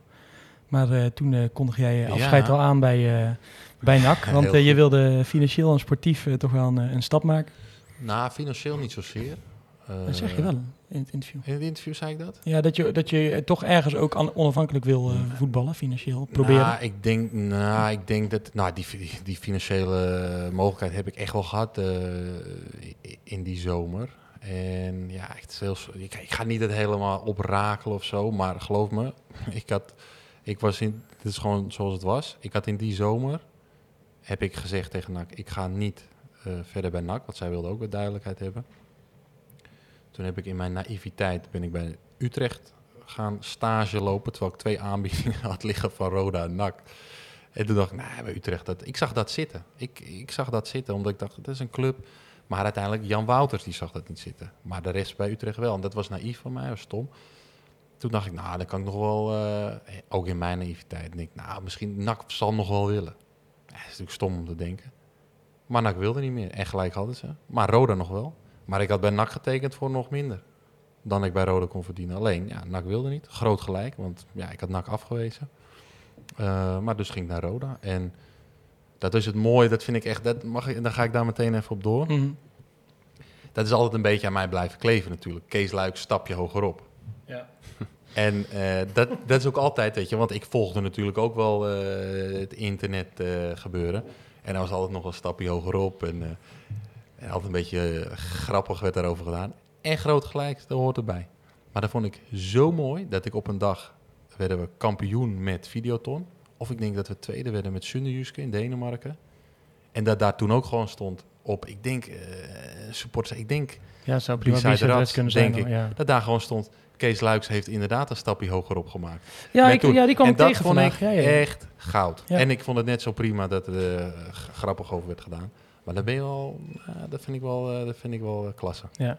ja, het is natuurlijk... Kijk, dat zoiets op, op dat moment zo uitpakt, dat krijg je natuurlijk ook niet bedacht. Nee, dat zeker niet. En dan mag je ook heel hard om lachen. Ja. Hij, ging, hij ging ook van de ene rustige, rustige club naar de andere rustige Ja, club. en ik voelde dat, hè, dat, dat, eh, daar, ja, eh, NAC wordt niet graag geassocieerd met Roda, maar ik voelde daar binnen die clubs een eh, zelfde, cult- zelfde sfeer. Zelfde sfeer. Allemaal, allemaal ja, mensen die geen verantwoordelijkheid willen pakken binnen. En iedereen eh, duikt, iedereen duikt. Weet je? wel. Iedereen duikt voor de grootheid van de club, de druk en eh, dat hele gebeuren. Dat was echt precies hetzelfde. Nou, je ziet hoe de clubs is vergaan. Dus, de- dus eigenlijk de, grootste reden was, jij, jij wilde gewoon sportief proberen Ja. nog meer uit je carrière te halen. Ja, omdat ik ook wel bij NAC voelde dat het, ik, ik voelde het omlaag gaan. Eh, het enige was, je moet wel je eigen kwaliteit ook een beetje kennen. En ik kon bij NAC gewoon vier jaar bijtekenen. En dat had voor een speler als ik gewoon hartstikke mooi kunnen zijn. Alleen ja, ik voelde gewoon dat ik iets anders moest gaan doen. En dat, dat had ik gehoopt op een stapje hogerop. Nou, dat werd een eh, stapje lager. Dan is de, de, de vraag, heb je daar spijt van achteraf? eh Nee, überhaupt niet. dat je wegging, zeg maar? Niet, Nou, niet naar Roda, maar... Je denkt wel eens van ja, via NAC, dan had je een soort van eh clubicoon kunnen worden. Dat is natuurlijk allemaal hartstikke mooi. Maar ik, ik ben wie ik ben en ik wilde, ik ben niet zo. Ik voel me niet een. ik voel me ook geen clubicoon. Daar hoef ik ook. Dat is niet mijn ambitie geweest, nooit niet als voetballer. Eh, ik, ik, ik vind NAC een prachtige club, maar ik wilde wat meer. Ik wilde gewoon iets, iets uitproberen. Iets, eh, ja, en dat is uiteindelijk in het buitenland allemaal geëindigd. Niet helemaal, maar ja. Dat, zo is mijn weg gegaan in ieder geval. Hoe herinner jij je Kees als voetballer, Sjoerd? Nou, een beetje wat net ook wel benoemd is. En, eh, in de tijd die, dat NAC gewoon altijd prima elftallen had nog steeds. hè. De- het was iets na de zeg maar, gloriejaren die iets te veel geld gekost hebben. Vandaar ook die, die financiële problemen. Maar in die jaren daarna stond er altijd nog wel een eredivisiewaardig elftal. Het was alleen... eh, ik, ik heb het ook wel een beetje beleefd als in die zin een beetje saaie jaren. Want je hebt, je hebt in die periode ook een hele rits van seizoenen gehad... dat je eigenlijk altijd een beetje rond de twaalfde plaats eindigde. Ja. En daar was op een gegeven moment ook een beetje de jus vanaf. 13, 13, 14, 15 Ja. of zo is het geweest. Maar ja, Maar dat- kijk maar die spelers die hij allemaal opnoemt. eh, dat waren natuurlijk geweldige spelers. Amoa en eh Leurling en noem ze maar op. Ja, dat is ook wel als je dan... Ik begrijp wel wat jij bedoelt, maar ik denk als je nu terugkijkt, dan denk je... Oh, Was het maar zo. was het maar zo. Was het maar zondagmiddag en, of zaterdagavond dat je gewoon ging zitten. denk ik, ja, Ja, maar, ja, maar ja nee, dat, echt. dat denk ik wel. Dat, als ik daar nu naar terugkijk, denk ik ook, potverdomme. hé. Weet je wel? Het doet nu vooral, nu vooral eh, pijn dat je gewoon. Dat je, en eh, nu bedenk ik pas, maar ik zie gewoon dezelfde trend als ik nu in heel die coronapandemie en zo zit. Ik zie gewoon totaal geen licht aan het einde van die tunnel. Ik mis perspectief, ik mis iemand die zegt wat we gaan doen en wat, wat de oplossing is. Laten we nou positief eindigen, Thijs. Ja, eh, precies. Het Maar, maar we komen nog, we, hebben nog genoeg positief puntje hoor. Want eh, je ging daarna naar het buitenland, Kees. Nou, de eerste twee avonturen waren bij Nicky Vollos en eh, Mhm. Er waren niet echt eh, succesvolle, eh, zeg maar, Nee. ja, persoonlijk. Je bent wel kampioen geworden in Hongarije. Ja. Maar je speelt heel weinig. Ja. Ehm, ja, daar, daar stel je natuurlijk heel iets anders bij voor voordat je, voordat je daarheen gaat. Maar ja, voel je op, op zo'n moment nog voetballers als je in zo'n land zit en, en alleen maar traint eigenlijk. En je, je kent er niemand. Nou, Videoton wel, want ik wist wel dat ik, ik werd gehaald en ik wist wel dat eigenlijk mijn tijd eh, een beetje na, eh, later zou komen. Het, eh, dat team stond al eerst dat kwam, dus dat was Maar Griekenland, ja nee, daar voel je op een gegeven moment geen voetballer meer. Dat sloeg helemaal nergens op wat daar op een gegeven moment gebeurde. Maar ja, ik, had hem niet willen missen hoor, die ervaring. Echt niet, het was ja... Wat maakt het dat dan als zo sport- mooi? Als, als, ik ben ook eh, misschien een beetje een voetballer die, die, die... Ik ben een professional, maar ik hou ook wel van een leven ernaast. En eh, ja, dat was ook... Daar was alleen erg veel leven ernaast. Dat was niet dat ik eh, alleen maar op stap ging of iets, maar... Het had gewoon weinig meer met voetbal te maken. Maar het is wel een ervaring die je echt... ja, ik had hem toch niet... Ik ben uiteindelijk 35 geworden en gestopt met voetbal, dus dat is prima geweest. Ik heb gelukkig nog mijn carrière kunnen voortzetten daarna. Want het zijn wel stappen die je daarna kunnen doen stoppen. Want het is gewoon een, een onwijs afbreukrisico om naar Griekenland te gaan. Heb ik wel achteraf gemerkt. Ja, Videoton is natuurlijk ook, heb je ook niet heel veel gespeeld. Videoton kwam op mijn pad. Het was ongelooflijk. Ik ging bij Ingeweg uit Griekenland en ik ging stage lopen in Engeland. En ik kon toen terug naar NAC onder Maaskant. Ja, die boden me een echt serieus een amateur, amateurcontract aan. Meer geld was er niet. En, en, en, en, en in de Maaskant zegt, nou, ik zeg, ik ga in Engeland, of in Engeland stage lopen. Hij zegt, als je dat nu gaat doen, dan gaat de deur bij NAC dicht. Ik zeg, nou, oké. Dus ik ging, uiteindelijk kwam ik bij Colchester United terecht. Nou, ik rij op een dag heen in de ochtend en ik, en ik wil terug naar NAC. en, en, nog en- geprobeerd? Nou, en, het, en, het, en het ironische was, er hing naast de kleedkamer bij Colchester hing een NAC tenue ingelijst, zoals je hem hier hebt staan. Geen grap. Van wie? Nou ja, het was een, de eh, voorkant. oh, de voorkant, ja. En ik dacht, jezus, hé, ik dit ook. en toen belt op een ochtend, geen, ik rijd naar die club toe, belt eh, een, een, een- een Engelsman op namens Videoton, de nummer 1 van Hongarije. Nou, dat is, wel, dat is echt een, een behoorlijke club. Ik dacht, dit is een grap. Ik zeg, nou ja, wanneer kun je praten? Ik zeg, nou... Geef ik me ben twee nu- uurtjes, ik ben moet nu even in- trainen. Ik ben nu in Engeland, dus het, het wordt een beetje lastig. Wij vliegen morgen naar Londen. Ik zeg, oké. Het gesprek gaat, nou ja, financieel boem bam, zo overheen. En eh, geen zaakwaarnemer die eraan te pas kwam. Hè. Ongelooflijk. En te- toen tekende ik daar alleen. Sportief was dat uiteindelijk ook niet echt een... eh, Heb je daar Tamas Petter meegemaakt? ja, die was Wat eh, toevallig. scout. Ja, die haalde mij ook een beetje hoor. Ah, oké. Dus die kende jou misschien vanuit je naktijd. eh Ja, ja, ja, ja. En eh, die werd van scout, werd hij toen assistent. En ik weet niet of hij er nog zit, maar ja. Maar dat eindigt ook weer eh, voortijdig. En dan naar, eh, naar Denemarken. Ja. Eh, daar ben je ook lang blijven, blijven hangen. Veel gespeeld. Ja. Waarom was je daar zo gelukkig als voetballer? En, en mens ook wel, denk ik. Ja, zeker. Nou, sportief kwam het daar weer gewoon op de rit. We werden in het eerste seizoen tweede. We haalden Europees voetbal. En het lag mij ontzettend, die, ja, die cultuur. En ja, die jongens. Ja, dat weet je, wij gingen in mijn eerste uitwedstrijd in Kopenhagen op de weg terug. We wonnen 1-0. Oh, gasten, jongen, allemaal. Die, die, die werkten zo hard voor elkaar. Dat, was, dat had ik nog nooit gezien in mijn carrière. In Nederland is toch even anders. Het is allemaal technisch en vuile meters. Dat cynisch van, nou, daar, dat, dat bestond dat niet. En op de weg terug stopten we in een stad en iedereen ging de bus uit en eh, met z'n allen op stap gegaan. Dat was voor mij, dat past zo bij me. En daarom heb ik daar ook zo'n eh, ja, goede tijd gehad, sportief en, en, en, eh, en, en buiten het veld. Het was soms wel wat saai, het leven, maar ja, met kinderen was dat ook wel, eh, wel weer goed te doen. Ja, want Hoe oud zijn jouw kinderen? Hoe, wanneer zijn, zijn ze geboren in je carrière, zeg maar? Die zijn overal mee eh, toegenomen, nou? Vaas, de jongste, die is in eh, Breda geboren. Dus dat was wel in mijn Deense tijd. Maar die liet, ja, die wilde, mijn vrouw wilde gewoon dat die in Nederland zou, dat mijn vrouw in Nederland zou bevallen. En Lucas, dat is een Sheng, die is in Maastricht geboren nog. Helemaal goed. Uiteindelijk heb je daar ook nog in quarantaine gezeten natuurlijk in Denemarken. Dat was, was nog wel een mooie interview, eh, zag ik voorbij komen. eh, met de Van der Vaartjes, hè? Ja, Zes weken in een, eh, in een vakantiehuis. ja, dat wil je ook niet missen, zoiets. Dus ja, dat was ook geweldig. Weet je, dat, Verhalen uitgewisseld. Ja, ik heb een paar mooie verhalen gehoord. Daar zit mee ook, daar zit je ook, ja, daar luister je graag naar natuurlijk. Vertel nog eens een mooi verhaal, Rafael. Hoe was het bij Real Madrid? Hoe ging dat? Hoe was die en die? Ja, dat is altijd leuk om te horen natuurlijk. Ja. En veel, eh, ja, gewoon een topgozer ook, moet ik eerlijk zeggen. Echt, ja, een Noord-Hollander die goed bij me past. Wat zijn voor jou, zeg maar, eh, ik zal niet naar de verhalen van Van der Vaart vragen, maar van die buitenlandse jaren nog bizarre dingen die jij bijvoorbeeld hebt meegemaakt? Je hoort natuurlijk vaak dat je voorzitters die ja, de Griekenland was gewoon bizar. Ja, die Griekse voorzitter, dat was gewoon, ja, daar kun je alle eh, fantasieverhalen, die, die kun je erop loslaten. Die man die stond wel eens gewoon eh, een half uur betoog te houden na een wedstrijd als we verloren. Met zijn sigaar in zijn mond en die, die, die kleedkamer stond helemaal blauw. Of, hij heeft een keer een wedstrijd laten afgelast. eh één minuut voordat de aftrap begon. Toen zei hij, er wordt niet gevoetbald vandaag. Want eh, de fans zijn tegen me, dus die ga ik allemaal lekker even naar huis sturen. Dat heeft hij gewoon, dat, dat gebeurde daar. Ja, dat was een bekerwedstrijd, niet de reguliere competitie. Maar dat, en toen reed ik wel naar huis en toen dacht ik van, eh, dit kan toch niet? Dit vond ik echt, ja, dacht, dit is beschamend, maar dat kan daar allemaal. En, en zo, zo in Griekenland in een half jaar tijd eh,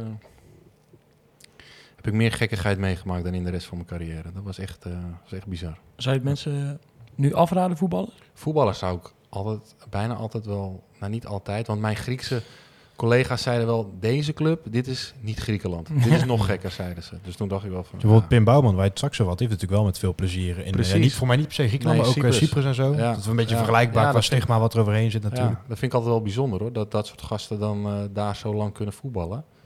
Maar dat kan dus wel. Maar ja, je moet een bepaalde status vergaren, denk ik, om, eh, en die, ja, dat, dat, ja, Als je nieuw bent, dan... eh, het is niet, ja, ik kan een uur over, het was echt, het was echt bizar. Het was Ja. echt bizar. dat allemaal in een half jaar. En dan kwam je nog van NAC af, heb je ook nog gezeten. Dus eh, Ja, inderdaad. Maar NAC is echt een eh, heerlijke, Rustig, keurige club vergeleken. met- provincieclubje. Ja. Je keert dan wel terug naar, naar Nederland. Wilde je ook terug naar Nederland? Of, of? ja, toen wel. Uiteindelijk wel. Ja, heel graag. Want ja, mijn jongens werden ouder en eh, het was gewoon een goed moment om terug te gaan. En toen kwam... eh, De klapper van Van eh, As. de klapper van Van As. Dus die haalden mij naar Roda. En eh, eigenlijk ben ik daar heel blij mee dat ik dat jaar nog zo heb kunnen afsluiten. Ja. Ondanks dat ik natuurlijk een hele rare afsluiter heb gehad met mijn laatste wedstrijd. Ja, want dat is natuurlijk wel... Dat is natuurlijk ook wel is, is, vind je dat nog een smetje? Of kan, kan je Nee. makkelijk overheen stappen? Je- Maar voor de, voor de luisteraars, je werd eh, na 34 minuten geloof ik eh, ja. gewisseld in een play-off wedstrijd als Ja. aanvoerder die heel het seizoen alle wedstrijden had gespeeld. Ja, ja. ja, daar stap ik gek genoeg makkelijk overheen. Misschien omdat ik wat ouder ben of zo, maar ja, dat doet niks af aan de rest van mijn carrière. Ja, je- je- het is meer dat je denkt, ja, ja, als je terug denk je, ja, als trainer zijn, waarom doe je zoiets? Dan denk ik van, oké. Maar het is wel later wel gebleken waarom dat soort dingen gebeuren. Want eh, het is niet de, de netste man die ik eh, heb meegemaakt. Dus ja, dan weet je, word je ook wel weer een stukje cynischer van misschien. Ja. Eh, Was Roda toen de enige club uit, uit Nederland die zich heeft gemeld? Of? Telstar nog, hè? Ja, Tel- nee, die kwam het seizoen eh, daarna. Ja, en de rode was toen wel... eh, maar daar kwam ik, was ik ook vrij snel uit, want dat wilde ik wel graag eigenlijk. Ja, Hebt hem nog mooi, gewoond, zag ik af en toe op de, op de Instagram voorbij komen. Volgens ja, mij, eh. ja was mooi. Een appartementje in de heuvels. Maar ja, de coronajaar was wel, eh, was wel wat minder. Maar prima, ja, leuke ervaring uiteindelijk. Maar het was wel echt genoeg daarna. Het was Ja. wel, eh, ja. ja, want daarna stop je natuurlijk mee. Je benoemde het net al even, ja, Telstar. Ja. Maar ja, dan had je daar weer een appartement moeten, moeten Ja, daar wonen mijn ouders in de buurt. Maar nee, ja, goed. Ik ben gek van voetbal. maar uiteindelijk zo gek niet. Gelukkig. Voetbal je nou nog of niet? Nou, ik heb bijna een... eh, bijna, ik heb Ja, een ja. beetje ge, geflirt met eh, JK4. Geflirt, ja, er ligt gewoon een contract klaar. Wat betalen jullie? klaar. Want de JK7 kan ook wel wij- opbouw- opbouwende centrale verdediger Wij gebruiken. betalen met eh, drie consumptiebonnen en een gevulde koek. Hier al twee bier hij, gehad, hij heeft één keer meegetraind, maar toen ging de lockdown ging, in. En ik heb trouwens niet meegedaan, want ik kon niet die avond. Dus ik heb er niks van meegekregen of niks van gezien. Maar hij kon, eh, hij kon mee. Welke klas? Reserve tweede klas of derde klas, ik weet niet eens. Oh. Maar we staan wel eh, gedeeld eerste volgens mij, of tweede. ja, maar je hebt, telt niet. Hoezo niet? Ja, wordt toch afgelast. Ja, dat is waar. Daar kan je niks mee. Ja, nee, Dus eh, klopt. misschien mag je nog eh, de voorronde Europa spelen als het eh, zo doorgaat. Ja, Kees, we hebben toch maar even over je carrière een klein, eh, klein quizje voorbereid. En ik ben natuurlijk benieuwd wie, de twee, wie van de tweede gaat winnen. Ja, Sjoerd Massoudi heeft volledig ingelezen in jou, want die heeft Ah, natuurlijk een contract aangeboden bij JK4. Dat doe je niet zomaar. Nee, Heb, heb ik ben ook niet- bezig met de biografie van Kees Luijks. hè. Oh ja, dat lijkt me wel mooi, ja. Dat zou best wel goed, goed verkopen 50-50. inderdaad, om, en omsteken, denk ik hoor. Dus eh, laten we maar gewoon, eh, gewoon beginnen. Eh, heb jij de vraag ook? Wil jij de, wil jij, wil jij de quiz doen? Of, eh, Ah, nee, doe jij maar. Ik heb mijn Ja? telefoon uitgezet voor de Ah. zekerheid. helemaal goed. Dat er niet Ehm, afgaat tijdens de ondersteuning. hoor. Nee, precies. We hebben vijf, eh, vijf vragen, dus er, kan een, eh, een winnaar komen. En die krijgt een, eh, een mooie B-side Reds sjaal mee naar Het huis. zou echt Dus, bizar zijn als Kees niet wint.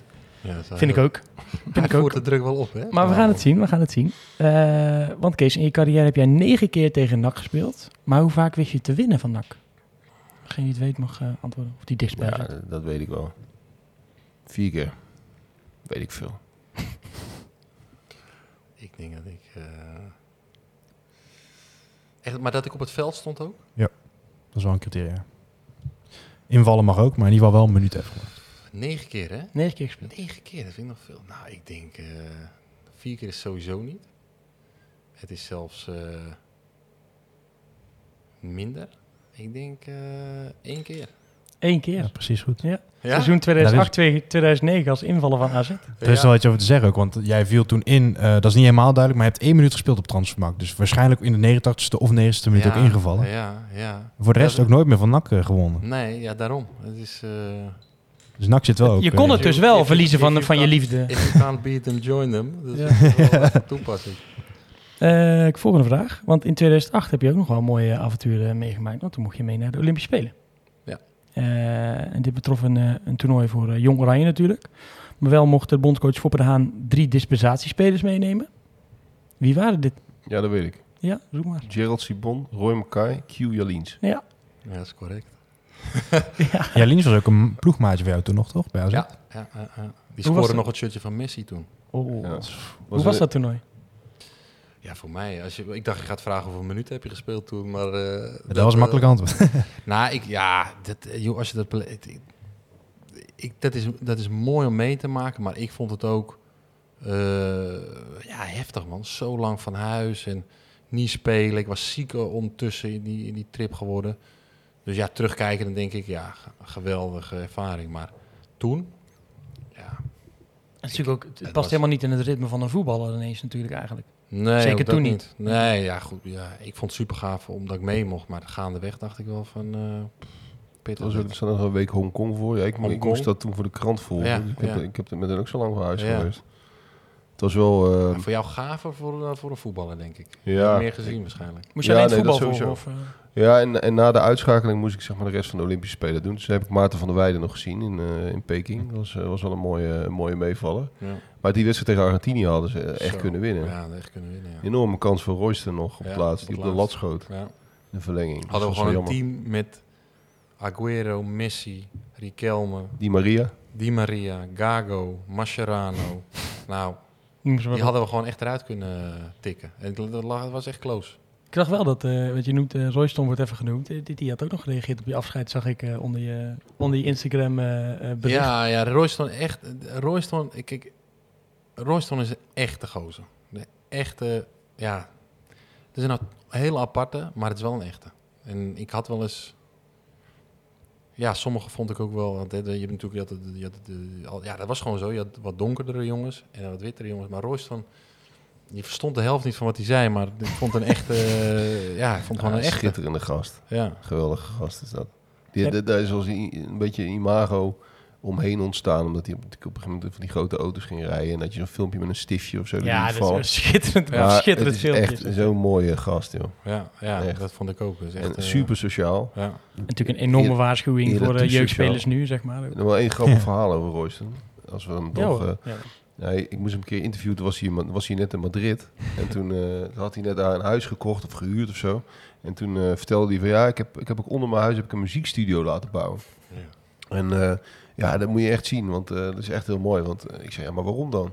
Hij zei voor mijn nichtje. Want mijn nichtje kan echt heel goed zingen. En ik heb een speciaal naar Madrid gehaald. En mag ze in die studio mag ze, eh, mag ze opname maken en eh, album opnemen en zo. Ik zeg, nou mooi. Dus, maar echt een mega studio. Hè? Echt een volwaardige muziekstudio. Ik weet niet wat het kost, maar heel veel geld. Ja, veel geld, ja. En eh, nee, maar ze gaat een grote carrière tegemoet en dit en dat. En ze gaat binnenkort meedoen aan Idols. En eh, dit en dat. Dus eh, zij oefenen. Nou, ik natuurlijk een beetje voor hoe het met het meisje ging. Me- ze deed mee in Idols, je raadt het al. Eerste ronde eruit. het kan ook de Voice zijn geweest, maar zo'n soort show. Dus heel die muziekstudio gebouwd voor één rondje Idols. Ja, ongelooflijk ook, hè. Ja. Royston is iemand die... Hij doet niemand na. Hij doet niemand na. Heel veel jongens in voetbal, ze doen alleen maar eh, elkaar na. En Royston, ja, het is gewoon zichzelf. Die had scheid aan alles. Die vertelde ook verhalen over Cannavaro, die echt kritiek had, had op hoe hij pasta eten. Ja, zeg, dan ging ik hem nog eens een keer voeren. Ik zeg, vertel nog eens even dat verhaal van Cannavaro. Ja. Die helemaal, ja, die werd echt wild. Hoe Royston zat te prakken in zijn pasta. Ja, vond ik helemaal legendarisch Waar, natuurlijk. waar ik Royce over ken is dat mijn allereerste stage liep ik toen bij de sportredactie van Metro en de Spits, die gratis krantjes. En toen had eh, eh, mijn chef die had toen een verhaal gemaakt over hem, omdat hij was echt een van de eerste voetballers die toen op Snapchat zat. En dat, dat deelde hij ook alles, maar letterlijk Ja. alles deelde Ja. hij. Dus dan deelde hij gewoon dat hij aan het plassen was. Niet met de kleine Royston in, eh, in beeld. Maar wel, Grote, eh, was grote rood. Ja, dat, dat, dat dacht ik al. Ehm, maar eh, dan wel gewoon, ja, je moet goed hydrateren, je moet hydrateren, je moet alleen maar water drinken, alleen maar water drinken. Daar had hij heel verhaal over gemaakt. Ja, dat doet hij nog steeds. Hè? Toen ging die echt, werd hij gewoon kapot gemaakt op social media. Ja. Dus die, die redacteur die het had gemaakt, van eh, ja, nou, hij schrijft alleen maar onzinverhalen over mij en zo. Terwijl het was een heel, heel mooi verhaal over hoe hij heel zijn leven deelde op, eh, Ja. op social media. Ja, en kijk waar we nu zijn. Dus, eh, ja, maar dus- hij doet dat delen nog steeds. Van alles. Weet je, denk je, er zit hier Super open is die. een liedje te zingen in de auto. Ja, ik, ik tik hem snel door vaak, maar... Ja, ja Royston, eh Royston Drenthe. Mooi. Eh 37 keer gescoord in je, in je carrière, Kees. In totaal. Eh, waarvan eentje tegen NAC. Oh, ik dacht waarvan Eh, eentje naar gaat doen. Maar... Nou, Zullen er wel meer zijn ook nog wel. Eh, de, ja, je- de, de vraag is eigenlijk vrij makkelijk. Weet je nog wanneer en met welke club? Eentje tegen NAC. Ja. Ja, dat was natuurlijk met Roda. Dat was het afgelopen seizoen. Die penalty in de in tweeën. Ja. Ook jij bent, eh, was Olij toch? Of keept uh, Ja, Korsmet? was wel leuk. Olij, volgens Ook jij bent Uitwedstrijd ten prooi gevallen aan, eh aan Olij als penalty. Ja, ja. Was ik niet de beste penalty. Nee, dat was heel slecht zelfs. Het was goed dat hij hem terugtikte. Ja, dat wel. Hij pakte hem ook niet, eh, in ieder geval niet naar de hoek in ieder geval. Ja, ja. Je was natuurlijk sowieso penalty nemen toen. eh, vaste penalty nemen. Had je hem ook genomen in een, in een volle uh, latverleg? ja, dat heb ik wel gedaan, denk ik. En dan? Shirt Juichen? uittrekken. ja, Vingertje- logo kussen. vinger- vingertje, naar, Valkenburg. vingertje naar de mond. Zou, zou je iemand zijn die, die dan niet juicht? Of, of zou je dat dan... Ja, ligt ook het moment misschien van de wedstrijd. Nee, ik ben niet zo. Nee, nee, nee. nee. Nou, ik heb wel toen in die kampioenswedstrijd, toen met Excelsior tegen, tegen AZ, heb ik niet uitbundig gejuicht. Ik scoorde ook niet hoor, dus dat maakt dan niet uit. Maar eh, dat ging niet als een eh, dolle. Dat vond ik, ja, ik weet niet. Maar normaal zou ik gewoon als een rode speler gewoon juichen voor Roda. Ja, ik ben dan echt man. gewoon eh Roda speler. Tuurlijk. Eh. Maar het zou toch ook pathetisch zijn? Ja, je hebt drie jaar bij NAC gespeeld, hartstikke leuk en mooi. En je hebt er wat mee, maar het zou toch wel heel raar zijn als jij dan zou zeggen... Ja, joh. Dat is-. Ja, ja, ik, ga niet, precies. ik ga niet juichen. Maar je ziet ze, hè, ze lopen er gewoon tussen. Het is wel een verschil, Ja, Het is wel een verschil toch hoe je juicht. Dat, dat, dat, is toch wel, dat speelt toch wel ergens mee. Kijk, als je je de winnende hoeft- maakt in de laatste minuut... Je hoeft niet je broek uit te trekken en op je knieën voor de b-side te, te glijden of zo. Dat, dat hoeft ook weer niet. Maar gewoon normaal juichen, toch? Altijd. Ja, ik denk dat het ook, eh, het- ja, het is zo misplaatst, joh. Omdat, omdat allemaal, wat, je, wat Sjoerd zegt. Kijk, als ik uit een jeugdopleiding van NAC zou komen, en, eh, dan nog zou ik zeggen, juich. Maar anders, eh, ja, een bepaalde ingetogenheid, dat is prima.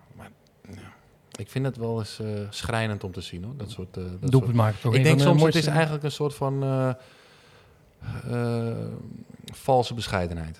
Dat denk ik wel eens, Ja. als ik het zie. Ik denk, nou, ik wil eigenlijk heel, heel erg dat de, dat de picture op mij wordt gezet. En Kijk maar eens niet juichen. kijk, mij is niet juichen. dat heb ik wel eens het gevoel erbij. Ja. Maar goed. Eh, ja, deze vraag is ook wel heel, wat iets meer voor, voor Kees dan voor Sjoerd, ben ik bang. Oh jee.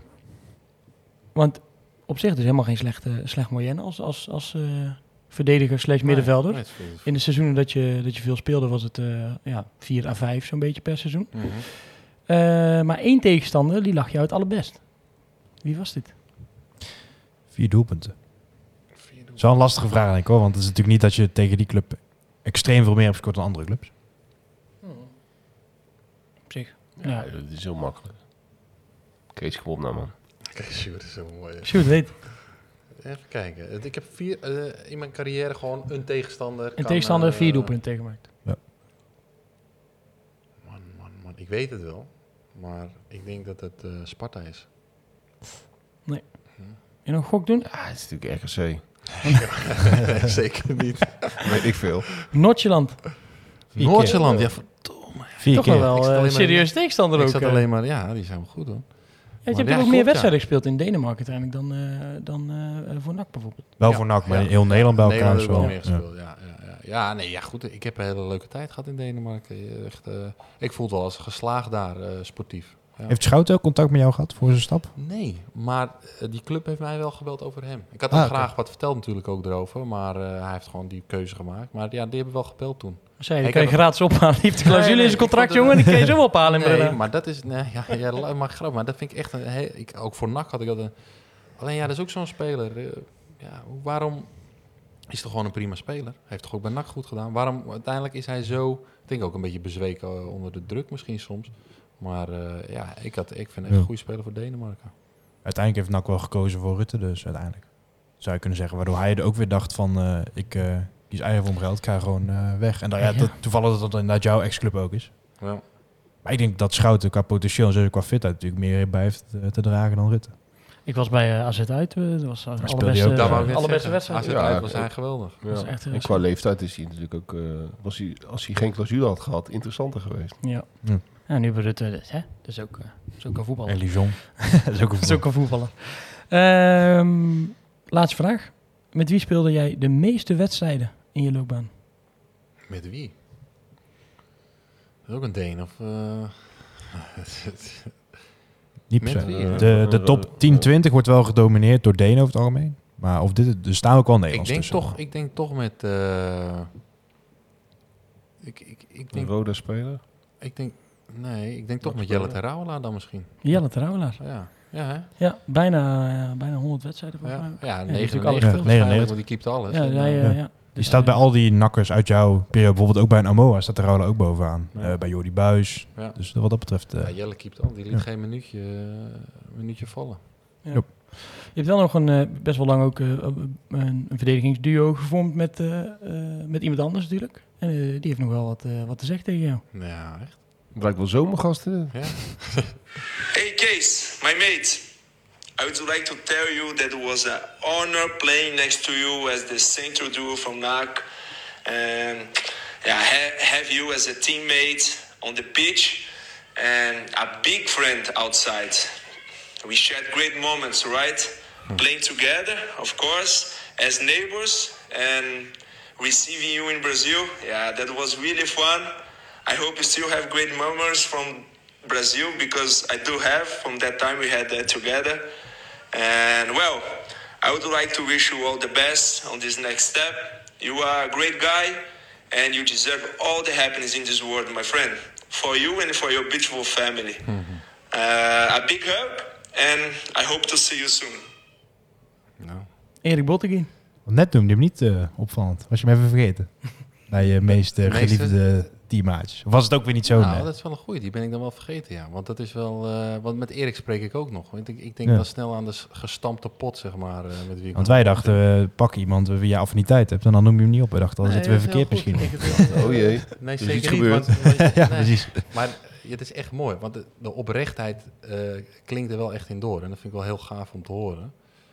Eh, maar mijn band met hem is ook heel goed, want we spreken elkaar nog steeds wel eens. Even een berichtje of een dingetje. Ja. Dus, eh, ik vind het echt geweldig om te horen. En je bent er, je ik bent er geweest ook in, eh in Ja, Brazilië. Dat Nee, wisten wij ook natuurlijk niet. Nee. Eh, Nee. we Ja, wisten alleen dat jij gewoon veel met hem samenspeelt. Ja. Ja. Dus ik, ja, hoe de meeste ik sporters jou herkennen als zijn maatje achterin, zeg maar. Ja, nee, wij zijn toen, eh San en ik zijn toen naar Brazilië gegaan, eh Sao Paulo, waar hij woonde. Toen was je al met Sanne. Dat was met Sanne. Ja, Ja, dat is natuurlijk slecht. ja, ja, Als je nou, naar Brazilië gaan met je vriendin moet je natuurlijk nooit doen. Dat was niet normaal. Maar we, gingen, we gingen uit met Erik in, eh, in Rio en met onze meiden. En Sanne zei daarna echt, jij kan maar overal toe, maar je mag nooit meer naar Rio. Het is echt waar. Het is echt waar. Dat was niet normaal. En eh nou, Erik sowieso, die mocht sowieso niet. Maar was ook zo niet weg. dat was bizar. hij haalt ons op van het vliegveld. Tien minuten later zien we gewoon een eh, carjacking eh, voor ons. Dat is echt... En ik dacht meteen toen van, tering, wat is dit dan, joh? En Erik, en Erik zei, ja, dit is mij ook al drie keer overkomen. Gewoon mensen die met een pistool je auto induiken. Dat gebeurde dan. Alles Nee. afgeven. Hij had ook al Italiaanse roots, toch, Erik? Ja, ja, hij heeft Italiaanse voorouders. Ja, daardoor eh, heeft hij dat eh, Europese paspoort, zeg maar. Daarom kon hij naar Pek Zwolle. Ja. Ja. Anders hadden ze hem nooit kunnen betalen. Precies, ja. Daar jongen die... heel eh, veel respect voor. Hè? Hoe hij zijn carrière Ja, heeft, dat is echt... Want ik stond... Want wij hadden, hij kwam bij NAC en wij gingen, ik ging hem een beetje helpen met de huisvesting. Nou, uiteindelijk kon hij een appartement net onder ons eh, krijgen. En ik heb zo vaak met hem in de lift gestaan op zaterdagavond. Ik zeg, Erik, ga je nog even mee stappen? no, my friend. I stay home. Oké, die ging nooit mee. Maar ja, zo toegewijd. Zo gefocust op zijn doel in Europa. Ja. ja Ook gewoon een super goede verdediger natuurlijk. Zeker voor NAC was het echt wel... eh, fantastische verdediger. een maximaal uit zijn carrière gehaald. Het jaar eh, met Feyenoord, kampioen werden, natuurlijk fantastisch. eh. Ja, ja, die heeft echt alles eruit gehaald. Dat is echt knap. Ik Ik heb een van de beste nak aankopen eh, van deze eeuw, denk ik. Ja, denk het zeker. Zeker, ja. Ik, heb, ik heb het alleen maar al vijf keer teruggeluisterd door dat geweldige accent. Ja, mooi hè? Ja, dat vind ik echt... eh, Ja, ik vind het heel leuk dat je dit eh, echt tof. Ja, hij was ook eh, gelijk oprecht hoor, gelijk enthousiast. Ja, ik ga het regelen. Ik moet nu alleen spelen. Kan het, kan het ook later? Ik zeg ja, nou ja, als je echt van Kees houdt, doe het nu even. Toen heeft hij gelijk gestuurd. Nee, ja, ja, maar, wel mooi. dat is echt leuk. wel leuk. Stom dat ik hem niet opnoemde, maar dat is Ja. echt wel. ja, maar ja, liefde is wederzijds. ja, minder in de kroeg. Misschien is dat het. Ja, dat waarschijnlijk. Ja, dat, dat zal ermee te maken hebben. Eh, zijn we bijna aan het einde. Moeten we het nog heel even kort over, over de toekomst hebben. Hè? Want je gaat wel terugkeren bij, eh bij NAC, Kees. Na de winststop. Een soort van al. Ik heb twee trainingen meegemaakt nu bij NAC onder 18. bij Molhoek, toch? Bij Rogier, ja. Daar samen mee gespeeld of was dat net voor ik jou? heb eh, eh, of bij AZ natuurlijk bij AZ wel. eh, meegespeeld. Hele goede band meegekregen. Alleen daarna heb ik hem een keer, eh, ja, heb ik zijn enkel eh, Gebroken. ja, doormidden gezaagd bijna. Dus dat is minder. Maar goed, eh, ik mocht nog wel bij hem op stage komen. Dus eh, dat was, was wel weer tof. Maar je kijkt wel weer schouder af en toe op de training. Dat hij je niet... eh, Ja, hij moet van achter moet hij altijd oppassen. Hij doet sowieso niet mee als ik meedoe. Maar ga- zie, zie je daar een, een, een toekomst voor jezelf? Bedoel, je- We hebben net even je ja, podcasten, misschien bij ESPN af en toe aanschuiven. Ja, Je doet nog een opleiding. ja. Ja, dat Weet je wel al wat je ik- mm, nou, ik ga alles een beetje uitproberen. Ik vind dat, je, dat zo'n trainerscursus sowieso een goede toevoeging is op wat ik dan ook ga doen eh, in, het, in de sport. Dus dan ga, ik, ja, dan ga ik gewoon een beetje verkennen en, eh, en kijken hoe... Ik ik denk dat het wel bij me past. Maar ik vind, ja, ik denk dat het wel bij me past. Trainer of, of hoger in de Ja, organisatie? trainer kan. En eh, iets in de organisatie zou ook absoluut kunnen. Maar dat ben, wil ik nog een beetje gaan uitvinden. Wat past echt bij me? Het laatste valt wel meer te winnen. Er zijn weinig goede technische directeuren in Nederland. Ja, en dat vind ik ook wel, ja. Dat vind Ja. ik bij trainerschap eigenlijk een beetje eng soms. Dat ik denk, jeetje, hoe, hoe, hoe, hoe makkelijk eh, ja, ben je gewoon... Je bent zo klaar als trainer. Je kunt eh, de, twee eh, miskleunen maken en je bent gewoon klaar. ja, en je, moet, en je moet echt vier, vijf jaar investeren wil je het hoogste diploma Ja, hebben tegenwoordig. En, dus je moet wel enorm toegewijd zijn. Ja, En het wel heel graag willen, wil je daar echt iets kunnen bereiken, denk ik. ja. Zou, die- zou eh, Kees kunnen, denk je? Dan wel Ja, trainer dan of TD? je- Eh, Dat, dat kun je echt niet met goed fatsoen zeggen. Maar natuurlijk, hij, heeft, eh, hij is niet achterlijk. En hij heeft een goede carrière gehad. Dus natuurlijk eh, is het logisch dat hij erover nadenkt. Lijkt mij. Ehm, maar echt voor trainerschap tegenwoordig, even los van... Dat geldt voor al die jongens. Dat heb je met Snijder ook gezien. Je moet echt wel een beetje een soort freak zijn. Wil je in deze tijd nog trainer willen en kunnen worden. Je moet Ja. echt bijna obsessief gaan voor die trainerscarrière. En je moet er heel lang de tijd voor nemen. Want het is gewoon niet meer zo... Zoals vroeger dat je twee assistenten en een keeperstrainer had. En dat was het. Het is gewoon, je hebt, eh, bij een beetje club heb je gewoon te maken met heel veel mensen die je moet aansturen. Je moet echt een goede manager zijn. Ja, en als technisch directeur is niet makkelijk hoor, dat helemaal niet. Maar daar, daar liggen wel meer kansen, want daar zijn er in Nederland gewoon echt heel weinig van. Kijk naar, naar Flederis en, en, eh, en die andere jongen, jongens, eh, Jordi Zuidam, weet je wel. Dat, dat is echt... eh, daar zitten Gillissen. clubs, zijn er- ja, Gillissen, die, die zitten, clubs zitten er om te springen. Ja. En ik denk ook wel wat je zegt, als trainer zijnde, je hebt dan een heel team om je heen, dat moet je kunnen aansturen. Maar ik denk ook dat die mensen de kwaliteit van jezelf bepalen. Want die, die heb je zo, je, hebt echt, je kunt het echt niet in je eentje doen. Ja. Dat is denk ik ook een club die heel veel trainers ontslaat. Dat is meer het, ja, het onvermogen van die club Ja. dan van al die trainers, vaak. Ja, dat jaar waar je net over had, Sjoerd, eh 2018-19, toen werd Van der Graag natuurlijk Mitchell van der Graag ontslagen. Dat het een hartstikke verdienstelijke trainer was eh, bij Excelsior. En toen Ja. bij NAC kreeg hij ja, een selectie die je zei schot, schot en safe stond. Precies. En dan vlieg je er zomaar binnen, binnen 15 speelrondes uit. Ja, nee, dat, dat- dat, is eh, natuurlijk. Je, hebt, je kunt gigantische lijsten van trainers maken die zo één, twee jobs hebben gekregen en die daarna weer zijn afgevoerd. En vaak is het ook. Je bent ook zo afhankelijk inderdaad van selecties. Maar de- de- van der Graag is een mooi voorbeeld, maar nu ook Fred Grim bij, bij Willem II. Die, dat hoeft het niet over Willem II te hebben, maar het gaat even over, over Fred Grim. Nee, maar die heeft een fantastische eh, staat van dienst. Die wordt echt alom geprezen om zijn vakmanschap. Die heeft bij RKC geweldig gedaan, bij Almere heel goed gedaan. Nou, die, die komt dan bij Willem II en dan, dan, dan is het allemaal net wat anders.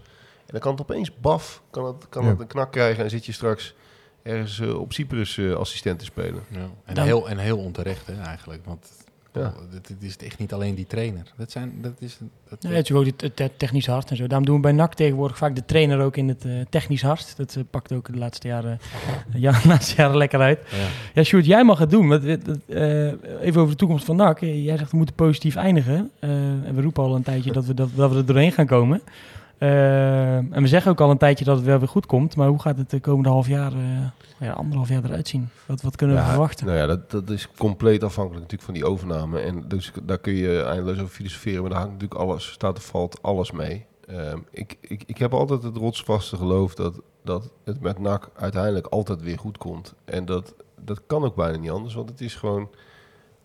Voor een kleine club is NAC gewoon zo'n grote club. Dat, NAC is van de alle kleine clubs de grootste. En dat is... Uiteindelijk eh, is dat ook een last. Maar het zorgt er ook voor dat dat altijd weer goed komt. Dus je moet, je moet, ik kijk altijd een beetje in blokken van tien jaar, weet je wel. En, dan, en soms heb je, heb je een decennium, dan gaat alles best wel redelijk. En dan heb je weer eh, tien jaar, die zijn helemaal kut. En Ja. eh, ik troost me altijd met de gedachte dat het bij Willem II vaak precies andersom is, weet je wel. Die, zijn dan, die hebben dan nu even een goede tijd en dat is over tien jaar weer, eh, weer helemaal niks. Ja. Zo gaat dat nou eenmaal. En dat is op zich niet zo. We moeten niet eh, op de brug gaan staan met een touw om ons nek, ben je gek. Komt vanzelf weer goed. Het is een beetje wishful thinking zou je kunnen zeggen, want het is nergens op gebaseerd. We weten helemaal niet door wie we worden overgenomen. Maar NAC is gewoon te groot om, om ten onder te gaan of zo. Dat, dat komt wel weer goed, Dus het blijft eh, eens, dan wordt de hemel stralend blauw. tuurlijk. Zet hem maar gelijk aan. We gaan het zien. Ik wil jullie eh, hartstikke bedanken, heren. We gaan, eh, we gaan hem afsluiten. Bedankt dat jullie hier aanwezig wilden zijn bij de, bij de honderdste. Op naar de, op naar de volgende honderd. En hopelijk met eh Sjoerd nog een paar keer aan tafel om wat positiefs te bespreken. Kees, als je, als je nog eens wil aanschuiven, ben je van harte welkom. Of een keer een wedstrijdje te kijken. En we nemen je graag mee als het eh, radverleg weer eh, vol zit. Ja, Succes met, eh, met wat je gaat doen. Ja, dankjewel. Nieuwe technische directeur van NAC, hè? Nieuwe technische Nou, directeur een van jaar NAC. of drie of zo. Je hebt het hier voor het, voor het eerst gehoord. Thijs bedankt. Yes. Sjoerd bedankt. Kees Yo, bedankt. Dankjewel. Een tikkie naar het zuiden en een tikkie naar beneden. Daar wonen al mijn vrienden en daar voetbalt NAC. Laat nu de klok maar luiden, er is toch niks aan te doen. De B-side staat in vlammen en NAC wordt kampioen.